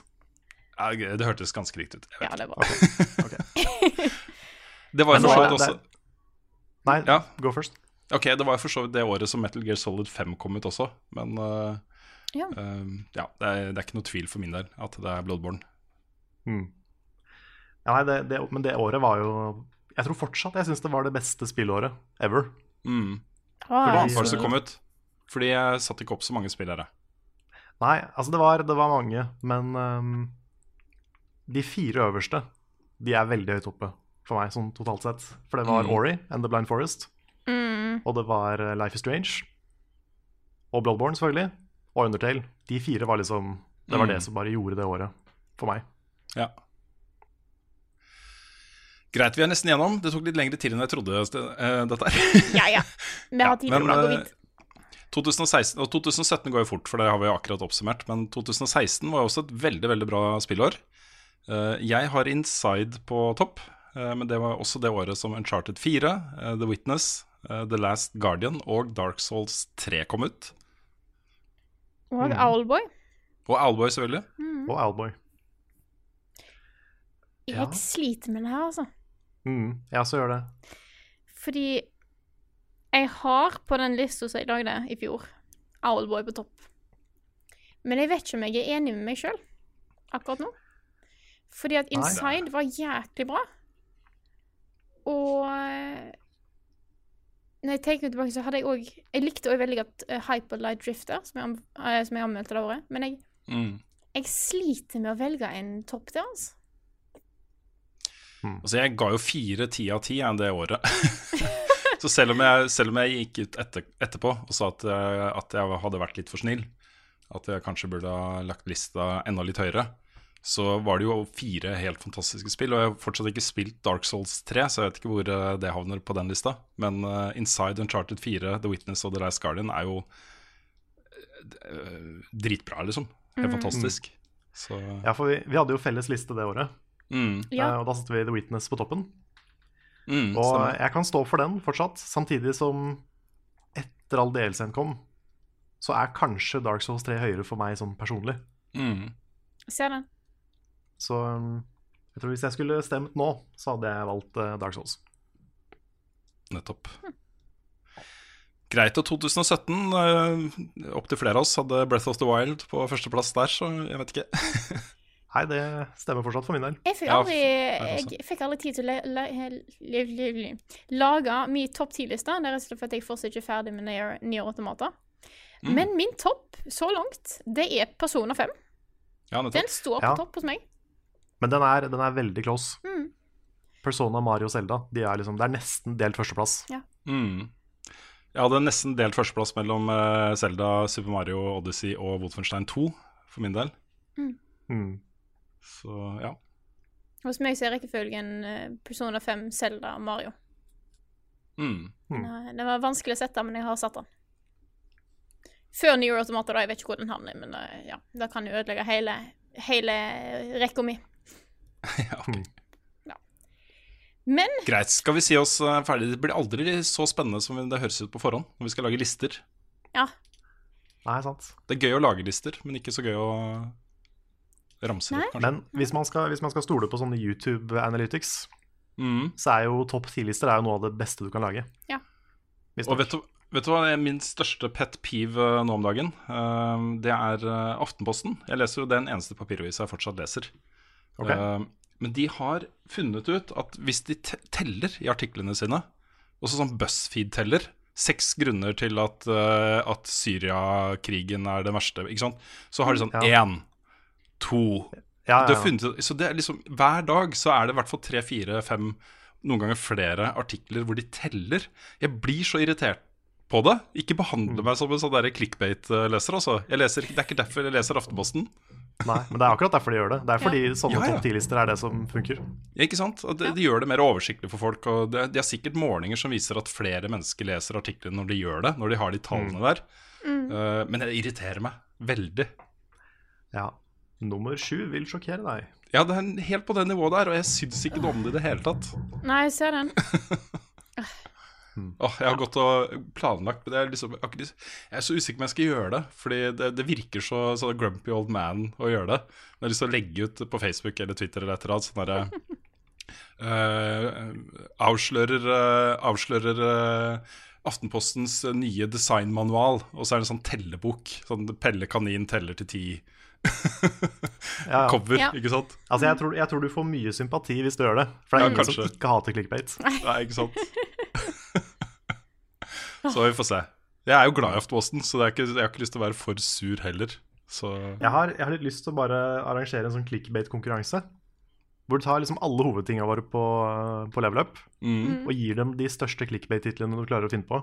Ja, Vi har ikke noen premie, så vi måtte finne på en premie. Men eh, det hadde vært litt morsomt. Ja, Det er en god idé. Vet du hva? Kanskje vi skal gjøre det som en hjemmelekse til neste podkast. Hvor vi forbereder hver, kanskje tre, da. Ja. Tre clickbait-titler, og så skal de andre gjette hvilken uh, video det er. spalte det? Ja, Ja. hva video er? Ja. Ja, ja, ja. Ja, det er en god idé. For det må være så fjernt fra innholdet Ja, at det ikke går an å gjette ja. hvilken video det er. Og nå har vi sagt det, så nå må vi gjøre det. ja da, Ja. da gjør vi det. Ja. Mm.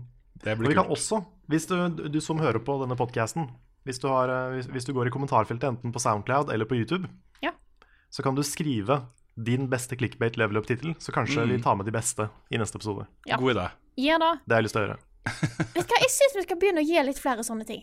Ja, jeg Ja. også syns det. Ja. Jeg er, en ting som jeg er veldig glad i med Easy Allies-podkasten, det er at de har sånne leker. Sånne gjetteleker og sånn, hvor ja. som de får inn fra seerne. da. Mm. Og det er ganske kult. Jeg har liksom tenkt at det har jeg lyst til å gjøre, men det, det blir liksom veldig kopiering av de, da. Nei, men vi har allerede blitt anklaget for å kopiere andre podkaster. Da kan vi like å kopiere en til. Ja, det er sant, det. Mm. Så, så det, er bare å, det er bare å sende oss litt sånne leker, altså, hvis dere vil at vi skal liksom leke noe i podkasten. Ja. Mm. Det, det kan godt hende vi gjør det, hvis det er gøy. Det kan være lite fysiske ting, siden vi sitter på en måte i Oslo og Trondheim. Men Mm. Og så må jo én da ikke være med, siden én må jo sitte med svara. ja, ja, Mm. ja, ja. Så da må en av oss være sånn uh, game master. Ah, shit, Mm. ja.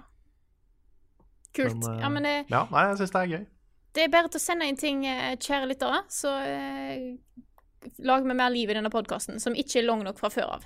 Eh, Aktiver oss. ja. Ja da. Ja, det er sånn, sånn for eksempel en quiz. Det, Mm. Men- det er morsomt. Veldig. Nei, men Da eh, tror jeg vi kjører videre med neste spørsmål her. Vi har fått et dilemma fra Martin Rosmo. Eh, kjekt å kjøre på med dilemma. Han skriver her bestandig sitter fast i rushtrafikk med trege, dårlige eller frekke bilister rundt deg, eller dårlige kollektivsjåfører, eh, men bestandig komme fram til rett tid. Eller ha en komfortabel tur med klar bane hele veien, men komme 15 minutter for seint hver gang. Eh, Obs, du vet ikke at du vil komme på seint eh, på alternativ 2. Du kan ikke planlegge for disse 15 minuttene forsinkelse. Dette var et bra dilemma. Mm. Ja, det var vanskelig. Ja, Forrige uke så hadde han uh, denne med bruksanvisninger. Han presiserer vel denne gangen at, uh, at uh, hvis man skal lese bruksanvisninger, så må man lese alle, uansett hva du kjøper. Om Ja, det er en uh, klokke Ja, for det er ikke noe loopholes nå. Nei. Ja. Så um, Nei, jeg vet ikke. Jeg er ofte et kvarter for seint ute allerede. Ja. sånn som ting er, liksom. Det er fort gjort å være forsinka. Jeg Ja. hater å være forsinka. Ja, jeg gjør det selv. Det er altså. jeg vet. Så jeg tror ehm, Problemet er at jeg òg jeg, jeg får litt road rage, jeg. Jeg også. Helt Jeg ærlig. hadde, Jeg øde, kan hadde ødelagt og- eh, så mye av dagen min Ja. hvis, hvis jeg måtte sitte i det køhelvetet som han beskriver her. Da Men jeg vet ikke hvor- altså. Altså, tingen at jeg har eh, Hvor lenge sitter en fast i rushtrafikken? Fordi at eh, rushtrafikk på Stord er OK, du sitter fem minutter i kø, ferdig. Da er det jo ikke i Oslo. Nei, her er det snakk om en eh, sånn 40 minutters tur som kanskje tar to-tre timer. Ja, Og da, da Mm. takler jeg ikke. Da, da har det ikke gått. Da tar, tar jeg heller den 15 minutters forsinkelsen. Hvis jeg snakker om at jeg sitter der og er redd for ikke å komme fram, som er noe av det verste jeg vet Jeg hater å være forsinka til ting. Er faktisk det verste jeg vet. Eh, som er bra kombinert med at jeg har eh, veldig dårlig eh, evne til å anslå hvor lang tid det tar å gå fra en plass til en annen. Eh, og generelt er distré, så jeg kommer ofte for seint, men jeg hater det. Så det er verre, jeg verre enn krig. Verre enn krig og verre enn å miste lemmer. Verre enn eh, tortur. Det er sånn, sånn jeg tolka det. ja, det, ja, Jeg det, med det. du, sa- du sa jo det var det verste, du, absolutt verste du visste. Ja. Ja. Nei, eh, det er ikke så gale. Nei, men- Det kommer det litt sånn hevn for at vi tok Rune på noe i stad. Ja. Eh, Nå er det her, altså Nå vet ikke jeg hva jeg skal si, faktisk. Fordi at nå ble jeg litt sånn der satt ut. Så ja, men jeg tror jeg går for 15 minutter forsinka, jeg, så slipper jeg å være stressa i Ja. to timer.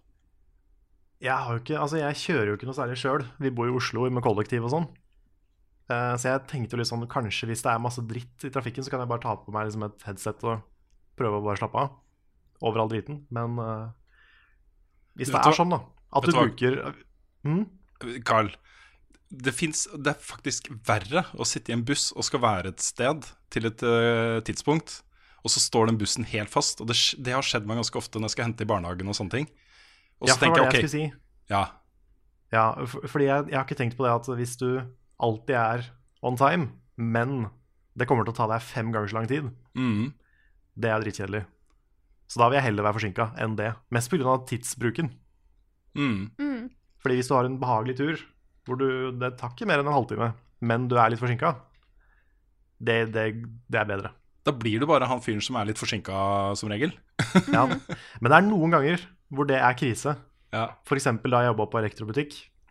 Da hendte det at jeg var sånn fem eh, Butikken åpna jo ikke før en time etterpå. Mm. Så jeg var ikke sånn, jeg trodde ikke det var superviktig å være nøyaktig on time. Men jeg lærte jo fort at det var viktig. Mm. Så um, hvis ikke jeg var liksom Eller det jeg ikke hadde fått med meg, var at jeg skulle helst være skifta og klar til vi skulle begynne. Så jeg skulle egentlig Mm. være på jobb før, og så skulle jeg liksom ta på meg uniform, og så gå ned, og da var klokka ti. Ok. Så hvis jeg hadde vært forsinka hver dag til det, så hadde jeg fått sparken. Ja, nettopp. Så det er, uh, det er noen steder hvor det er veldig viktig å være on time. Det har det, Vanskelig. Det er ikke så lett. ja, da jeg jobba i VG, eh, så eh, dro jeg ofte fra Akersgata for å hente unger i barnehagen. Og da var det sånn, Noen ganger så hadde jeg så dårlig tid at når jeg kom til, eh, kom til eh, rådhuset Jeg pleide å gå da, fra VG og opp til barnehagen. Det var sånn 20 minutters uh, kjapp gange. Så tenker jeg, vet du hva, nå har jeg så dårlig tid, jeg vil ta bussen eller eh, trikken. Eh, det er bare ett stopp, liksom. Men jeg gjør det fordi jeg har så dårlig tid. Og så glemmer jeg at det er midt i rushtrafikken. Så bussen ikke sant, så snirkler seg sånn supersakte opp den gata der, opp mot Åh, da Det er jeg, Nei. Det vil jeg ikke. Men Oslo er vanskelig, da. I hvert fall hvis du skal bytte buss. Mm. For du vet aldri når den bussen kommer. Det er veldig sjelden det stemmer, det som står på, på ruter. I hvert fall ikke rushtrafikken. Da er det jo kø og masse greier. Mm. Men jeg har jo fått opp liksom Jeg sjekker alltid ruter.no før jeg går ut noe sted. Mm. Og jeg har ikke ord for hvor mange ganger de bare har satt opp en buss som ikke fins. Ja da, det skjer, det. Det er ofte, altså. Mm. Så det å beregne tid i Oslo, det er veldig vanskelig. Det er litt samme i Trondheim, for der er det, det er ikke så mange bussruter som går eh, sånn som det går i Oslo. Men de som går, som går liksom de travleste rutene Den ene er eksempel aldri on time. Den er sånn, den er alltid forsinka. Den er Mm. Hvis den går. Det er sånn, Av og til så bare dukker den ikke opp. Det har jeg opplevd flere ganger. Jeg opplevde at bussen har kjørt feil vei. Eh, jeg sto og det er liksom Bussen skulle kjøre opp av en vei og oppover. Så sto jeg med busstoppen der og så at bussen kom bare sånn Ja, så, så ha det til jeg skulle være med. Bare sånn, ja, da tar jeg ta bussen. Og så sier bussen kjører bare rett fram. Og jeg bare Du skulle ikke det, du skulle opp her, du. Uh, og da var jo siste bussen som gikk den dagen. Så det var jo en interessant affære. Ja, da så du i skogen. Ja, faktisk. Jeg Ja. lå eh, på en Lå ved en busk, faktisk. Mm. Mm. Under en busk. Kjørte Ja. Carl sin taktikk. Mm. Ja. Men det funker, det. Gjemme seg i busken. Jeg hadde en bussjåfør i Tønsberg som var så dick. Det var en gang som jeg liksom Det var en lang, rett vei, så han kunne se meg eh, langt unna. Og jeg var fem skritt unna busstoppet og løp. Og han sakner ned for å slippe meg på, ser meg og kjører videre. Å nei, men herregud. Mm. Og da kunne jeg heldigvis en snarvei, så jeg bare tenkte, vet du hva, han skal ikke si hvilket ord jeg brukte da, men han, eh, han skal ikke få lov å fucke opp min dag. Så det jeg gjorde var at han må kjøre i sånn ring, mens jeg kan løpe, så jeg kan ta igjen bussen et annet sted. Og da er jeg jo svett og eh, sliten og bare helt ødelagt hvis jeg gjør det, men den dagen gjorde jeg det. Så da klarte jeg å løpe og ta igjen bussen på et annet sted. Og tror jeg ga det styggeste morderblikket jeg noen gang har gitt et menneske idet jeg gikk på bussen. Kunne ha banka han opp, da. Litt. Jeg kunne banka han opp litt, Det hadde vært- men han var litt, han var litt svær og skummel. Så jeg, Tenk deg hvis han i tillegg ikke bare hadde kjørt videre, men hadde kjørt akkurat så sakte at du liksom løp på siden. ja, Bare sånn. det, var, det var nesten på det nivået, altså. Men det, var sånn der, det, er, det er sånne folk som bare er serviceinnstilt til null. Mm.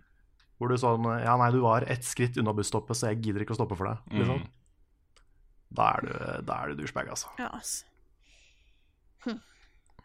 Men jeg tror vi går videre til uh, neste spørsmål her. Uh, som jeg hadde funnet fram, og så forsvant det. Jo.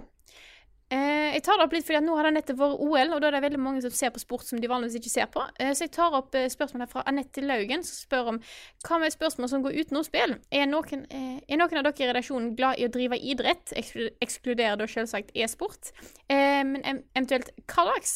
Og hvis ikke dere liker å drive idrett, er det noen av dere som følger med på noe? Jeg så litt på OL, jeg gjorde det.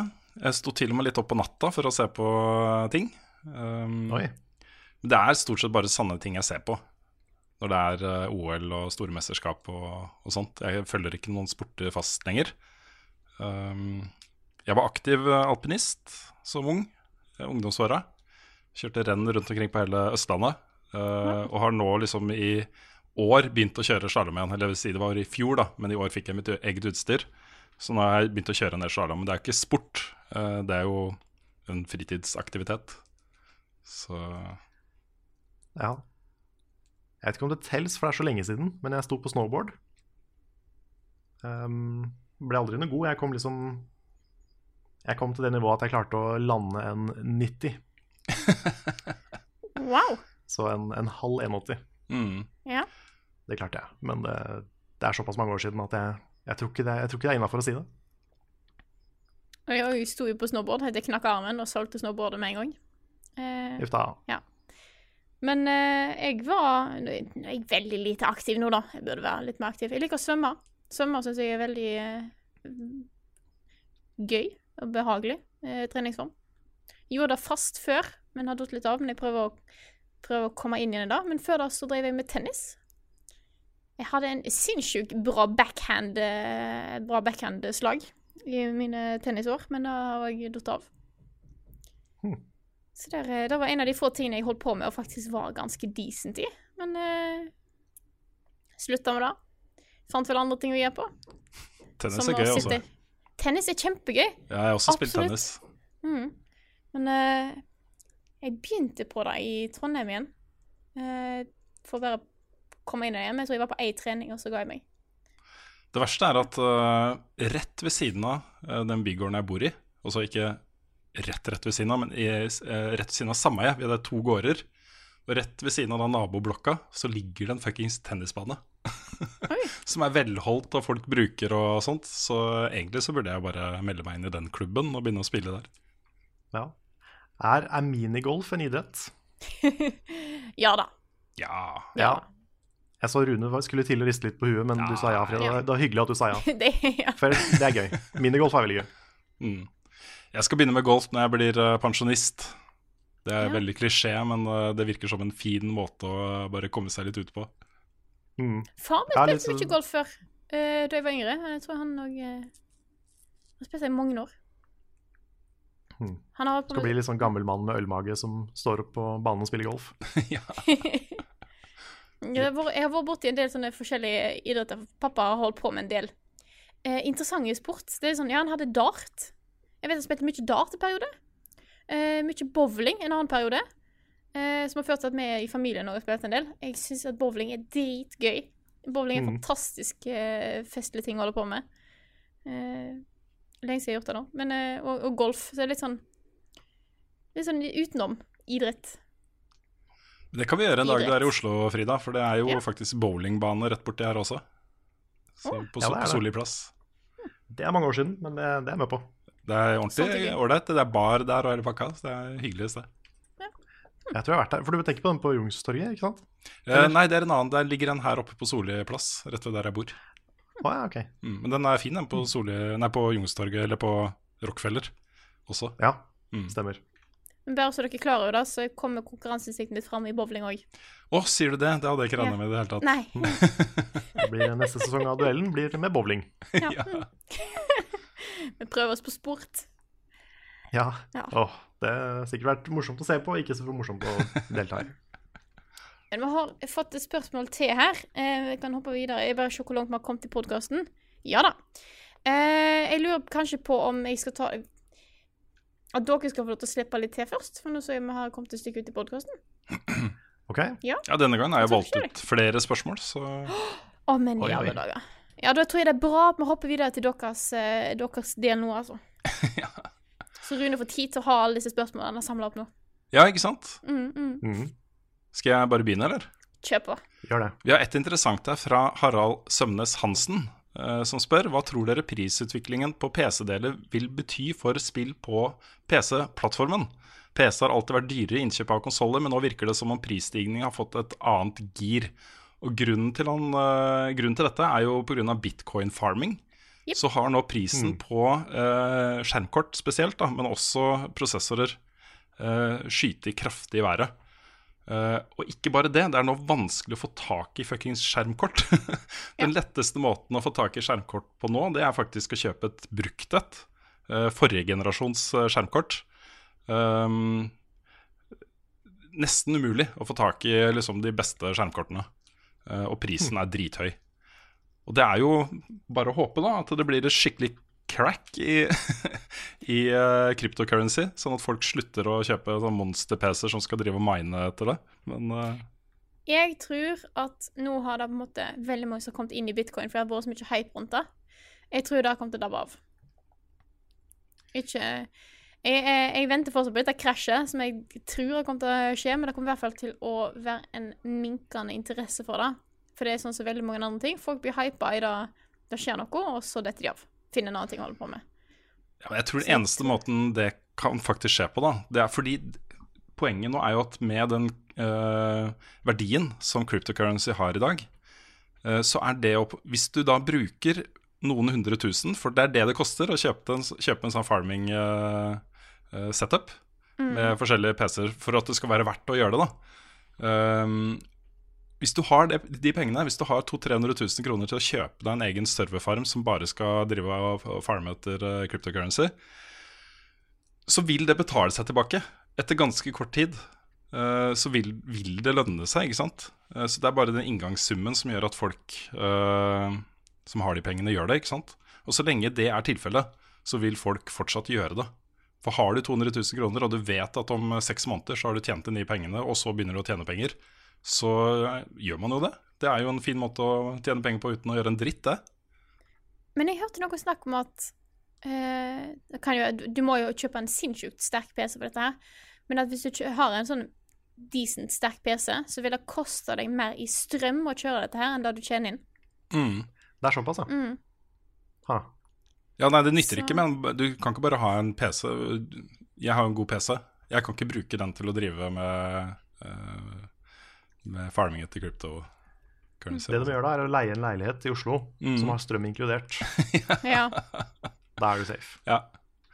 Nei, Vi hører jo historier om folk som sitter med sånne farms i, eh, i kjelleren eller et eller annet, og tjener 50 000 kroner i måneden på ingenting, liksom.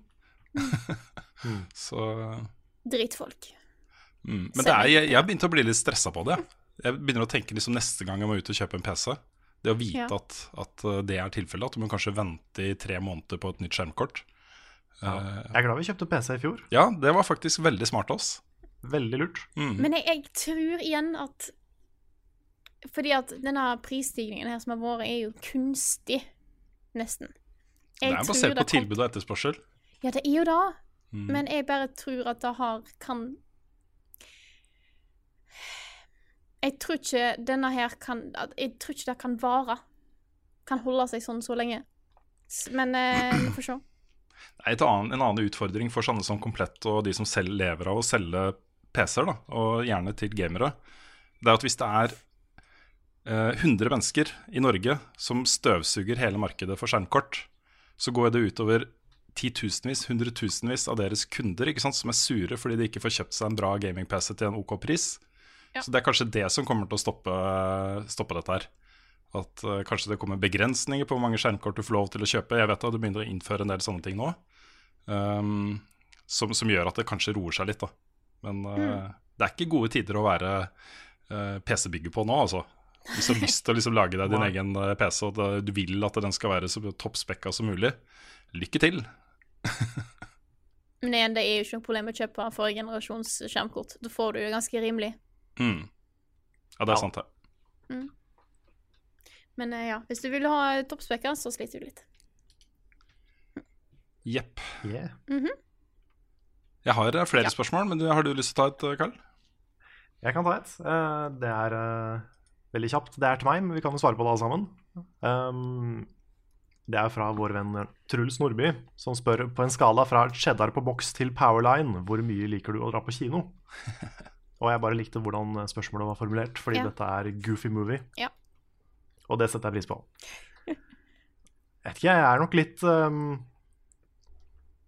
Jeg er nærmere powerline enn jeg er cheddar på Vox når det kommer til kino. Jeg er veldig glad i å dra på kino. Eh, Jeg er ikke så flink til å dra på kino. Jeg har fortsatt ikke fått somla meg til å se Black Panther. Jeg må liksom Jeg må finne en gjeng å dra på kino med for at jeg faktisk skal komme meg ut og dra på kino. Så um, får se. Hvor er det perfekte kast på skala mellom eh, cheddar på boks og powerline? Oi. Kanskje det perfekte kastet er sånn sju av ti? Ja, for jeg lurer på om jeg er rundt der. Ja, for jeg også er rundt der. Mm. Jeg liker det, men jeg er ikke så god på å gjøre det. Ja, jeg syns det er veldig gøy. Jeg, jeg liker å gå på kino. Det er liksom Det er en opplevelse. Åh, jeg elsker det. Jeg elsker å gå på kino. Det er eh, Så du er powerline. Å ja. Uh, og nå går jeg og teller ned. da Det er ikke så lenge til uh, den nye Imax-kinoen åpner her i Oslo.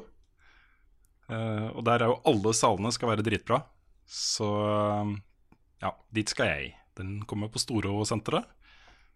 Hell yeah. Looking forward to it. det er ikke så langt unna meg. Nei, det er slutten av mars, tror jeg. 28. eller noe sånt. Jeg har liksom aldri vært i en sånn supergod sal. Uh, det interessante er da at en av de bedre Altså, jeg liker å gå på kino på Stord, fordi at den prosjektoren som de har der, er jæklig bra. Å, fy fader, den er bra.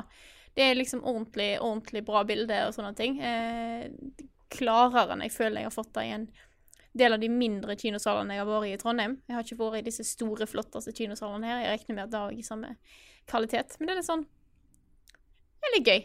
Stord. Mm. Han bor i kinosal. Jeg syns i hvert fall det. Det kan jo Ja, være at noen sier nei, nei, nei, den, den prosjektet der er dritt. Men nei, jeg, jeg, jeg syns han er bra.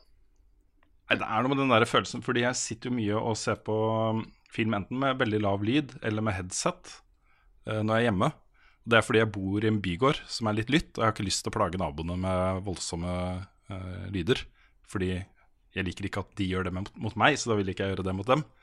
Så det å bare være i en kinosal med liksom drukne lyd og bilder og alt mulig rart, det er liksom det som, det som er den store eh, greia for meg. da. Og da må det ikke være Imax eller eh, perfekt. Alt er liksom så mye bedre enn det jeg har hjemme at eh, det blir dritbra uansett. Men det kan jo være litt det jeg ikke savner, da. Fordi at hjemme hos oss eh, på Stord så har vi et, eh, eh, et ei loftstove der vi har prosjektor, 90 tommer lerret, sånne ting. Og vi har jo et har jo en enebolig, så vi kan jo kjøre på med lyd bare så mye vi vil. Har surround sound-anlegg og sånne ting. Så jeg har jo fått litt den kinoopplevelsen hjemme. Mm. Mm. Jeg kan jeg følge litt opp med et eh, spørsmål også som har kommet fra uh, Jan Fredrik Tutvedt. Som lurer på hvordan vårt drømmegamingoppsett ser ut. Og mitt drømmegamingoppsett er det som eh, Håvard uh, har i Arendal. Uh, han har jo bygd altså De har jo et hus, da. Eh, Men han har fått et rom, en sånn mancave. Jeg, jeg ønsker meg en mancave. det, er liksom det kommer jeg ikke til å få, kanskje ever. Eh, men hans mancave uh, Han gikk da inn i det rommet, og så bygde han et nytt rom inni det rommet. Sånn at du fikk en ekstra sånn isolasjon da, mot resten av huset. Og der inne har han alt. ikke sant? Prosjektor, Dritbra prosjektor, PC, spillkonsoller osv. med deilige stoler. Og, og det er sånn at eh, jeg blir nesten litt sånn sint av å tenke på det. At noen har det sånn, og jeg har ikke det sånn. Det er litt urettferdig, syns jeg. Ja. Loftstova var veldig min i mange år. Nesten alle Mm. år jeg bodde hjemme, så var den min. Der hadde jeg kobla opp alt av eh, eh, Alt av konsoller, alt var i supert opplegg. Nå er hele den loftstua innreda i eh, Tottenham fotballdrakter og eh, supporterutstyr. Eh, Så det er litt trist å gå der og se på en måte the remnants av hva som en gang var mitt. Eh, Ja. og min eh, Det var ikke like mye Tottenham da du bodde der. Nei. Da var det bare at de måtte se det nede på TV-en der. Eller de spurte om lov, for bare sånn, ja, nå skal de se oppe. Det var greit. Men eh, det var okay. litt sånn jeg, jeg savner det litt, å ha noe sånt. Nå har jeg bare en liten Jeg har en liten TV eh, og noen spinkle høyttalere som jeg kobler på. Det er en av de tingene jeg vil ha når jeg får en ordentlig, ordentlig litt større leilighet. Kjøp meg ny TV, 4K, stor, med ordentlig lyd. Da savner jeg litt, altså. Hva er det som er erkefienden til Tottenham igjen? Er det Everton? Nei. Ja, United er ganske bra Ja, oppe der. De er vel erkefienden til alle, Ja. vil jeg tro. Eh, men eh, United er ganske eh, solid. Eh, Mm. Du får begynne å snike Det- inn litt sånne effekter, United-effekter i det rommet. Det har vært litt kult. ja, da tror jeg jeg blir kastet ut. kasta ut. Du bare, du bare passer på at ikke du blir sett, Ja. Mm. sånn at du kan skylde på andre. ja, ja, ja. Men, eh, nei, jeg- jeg bor jo aleine.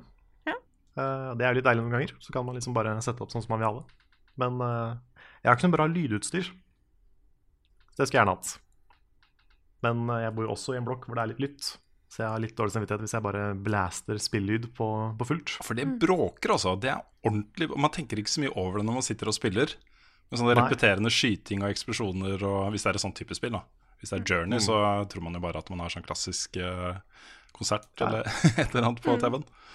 Så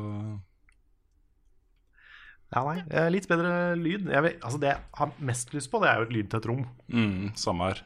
Hvor jeg bare kan gjøre hva jeg vil uh, uten at det plager naboen. Jeg har en idé da som jeg tror er ganske god. Ehm, det krever at jeg har litt bedre inntekter enn jeg har uh, i dag. Jeg kunne gjort det mens jeg jobba i VG. Det er jo å gå sammen, si fem stykken, og leie en leilighet eh, et eller annet sted i Oslo. Og rigge det opp som en mancave. Og så ha sånn sched scheduling-system da, online, hvor man kan booke det um, for sånn og sånn. Uh, eventuelt arrangere felles filmkvelder og spillkvelder og, og sånt. Hvis det er Ja. eh, fem gode venner, f.eks. Det er en god idé. Samtidig så tenker jeg at mest sannsynlig så hadde jeg bare blitt hjemme. ja. Det hadde blitt for mye arrangering til at jeg liksom hadde giddet. Ja, det er for så vidt sant, det, altså. Oh, eller kanskje Jeg ser det i USA og andre steder så er det folk som har sånn her trehusbygging som business. De lager trehus for folk, og så skikkelig greier da, med strøm og hele pakka, liksom. Det er jo noen trær i nærheten her. Kanskje prøve Ja. å liksom få låne noen av dem til å lage et, en sånn trehytte som mancave. Det hadde vært noe. Ja, Ja, det var ikke så dumt. Bare pass på at ikke, ikke dyre PC-er står ute i kulda og sånn. For det, Ja, det er sant. Ja. Jeg, har to, jeg hadde to PC-er hjemme hos foreldrene mine som sto i, som sto i garasjen eh, en periode. Og da jeg kom hjem til jul, så var begge de to helt ødelagt. Å, shit. Så det skal ikke så mye til. nødvendigvis. Kanskje Jeg jeg, skal bare Jeg kan grave meg nedover. Litt Ja. sånn i, i, hemmel- i all hemmelighet, uten at Ja, noen ja. vet det. Bare grave meg ned og lage en. Det kan være. Det har du. Mm. Nei, mitt eh, jeg håper å si, mål i livet Jeg har lyst til å ha et Jeg vil ha et hus som ikke er satt sammen av andre hus. Det er litt fordi at det er det jeg er vant med. Så når jeg plutselig har bodd i leilighet der det er andre som bor i nærheten, så jeg må være stille, da syns jeg er noe dritt. Så jeg vil ha et Mm. hus som er mitt.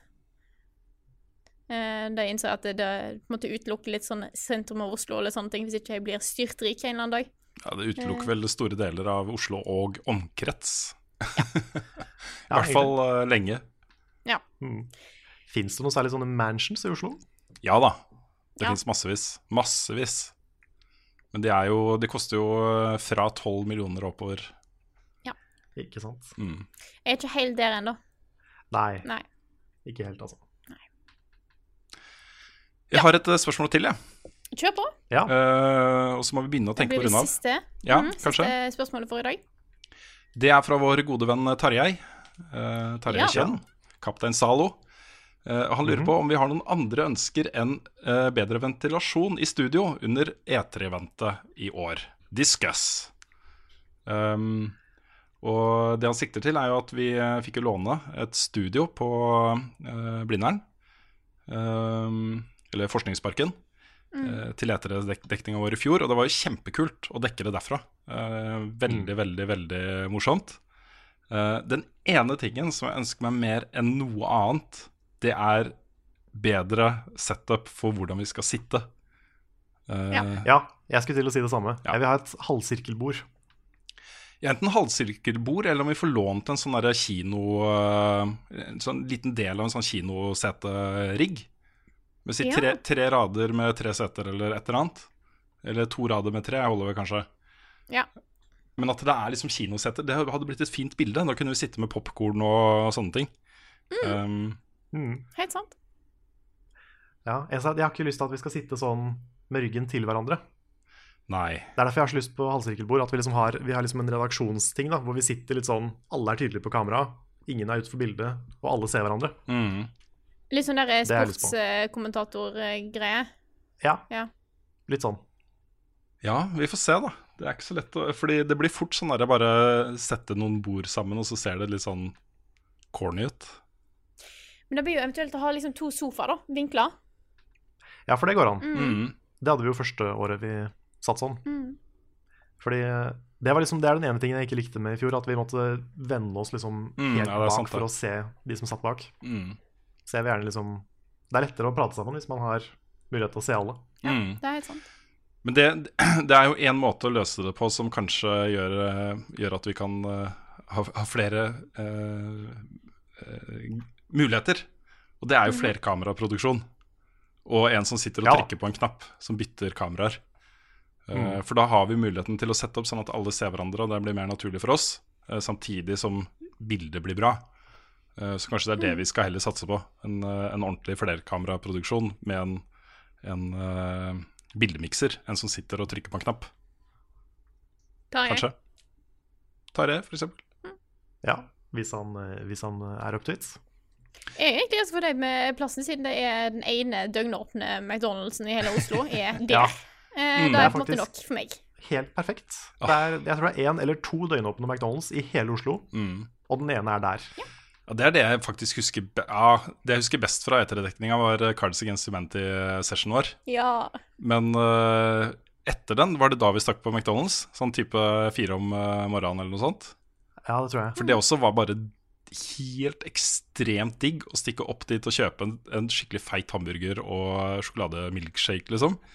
Det var eh, Ja. stort, altså. Du kan si hva du vil om McDonald's, men klokka fem om natta, når du har sittet og streama i kanskje 10-11 timer, Mhm. da er det det beste i verden. faktisk. Ja, Da er det Michelin-guide eh, verdig for, eh, for oss. Ja. Jeg er veldig spent på E3 i år. Det er jo litt interessant, siden det er jo to uker før jeg leverer masteren min. Eh, Så jeg kommer sikkert til å være litt sånn jeg, jeg, En ting jeg vil ha da, er på en måte ro til al- Altså Da kommer E3 til å bli for meg en sånn avslappingsgreie. Avkobling. Mm. Det er da jeg vil at E3 skal være. Så hvis Tarjei kan fikse det, så Han er jo er verdens lugneste person, så jeg tror det skal bli Ja. bra. Bare så fort vi skrur av kameraene, så kan vi skru på den der A River Flows In You. Ja. Og så kan vi bare spille av den, så kan alle slappe av litt imellom. Mm. Mm. Nei, men jeg gleder meg. Nei, Det blir gøy. Ja. Jeg gleder meg noe stort til E3. E3 er alltid kos. Mm. Ja, Og i år så kan de liksom ikke bare vise de samme spillene på nytt, for nå har alle spillene kommet ut. Ja, det er sant. De kan vise Så- enda litt mer av eh, Tease litt mer av eh, Kingdom Hearts 3 og, eh, og Final Fantasy 7. Det kan de. Det er greit. Det er alltid greit. Så er Final Fantasy 7 for release i 20, 2023 eller et eller annet sånt der. Mm. Hvis man er optimistisk. Nei, men da tror jeg egentlig vi må tenke litt på å runde av, siden Rune må gå og hente unger i barnehage og på skole. Mhm. Så da eh, tror jeg egentlig jeg får eh, starte med å si tusen takk til alle som støtter oss på Patron. Dere er fantastiske folk, og vi kunne helt ærlig ikke lagd denne podkasten her uten hjelp fra deg. Ja, En ekstra stor takk til alle som har tatt oppfordringen om å eh, komme inn. Vi har fått mange nye backere eh, de siste, den siste måneden. Og Det det, er, det, det hjelper så voldsomt. Eh, det er, selv om det liksom ikke er eh, enorme summer totalt, så er det akkurat nok til at vi kan puste roligere uh, og Mm. sove litt bedre om nettene. Så det er, tusen takk for det. Det er uh, eh, veldig, veldig bra for oss. Det er det. Ja. Den oppgangen siden november har vært dritbra, Mm. rett og slett. Den har så mye å si. Så eh, og hvis du ikke har mulighet til å støtte, på, støtte oss på Patron, så er det bare til å dele innholdet vårt, sånn at eh, vi kan nå ut til så mange som mulig. Jeg Anmeld, tror, eh, anmeld podkasten vår på iTunes. Ja. Gjør gjerne det. Comment, like, subscribe. Mhm. Smash that like button and level the fuck up. Ja. ja. Mm. Jeg tror egentlig jeg vi da får takke for oss. Takk for at du hørte på akkurat denne episoden her av Level Backup. Og så snakkes vi igjen neste uke.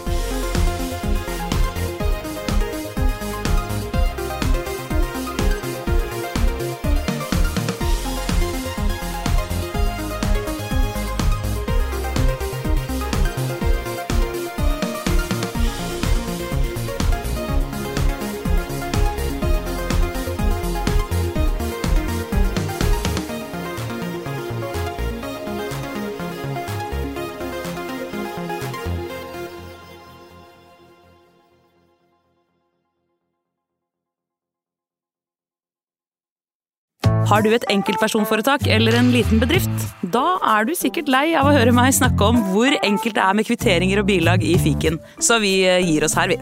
Fordi vi liker enkelt. Fiken superenkelt regnskap.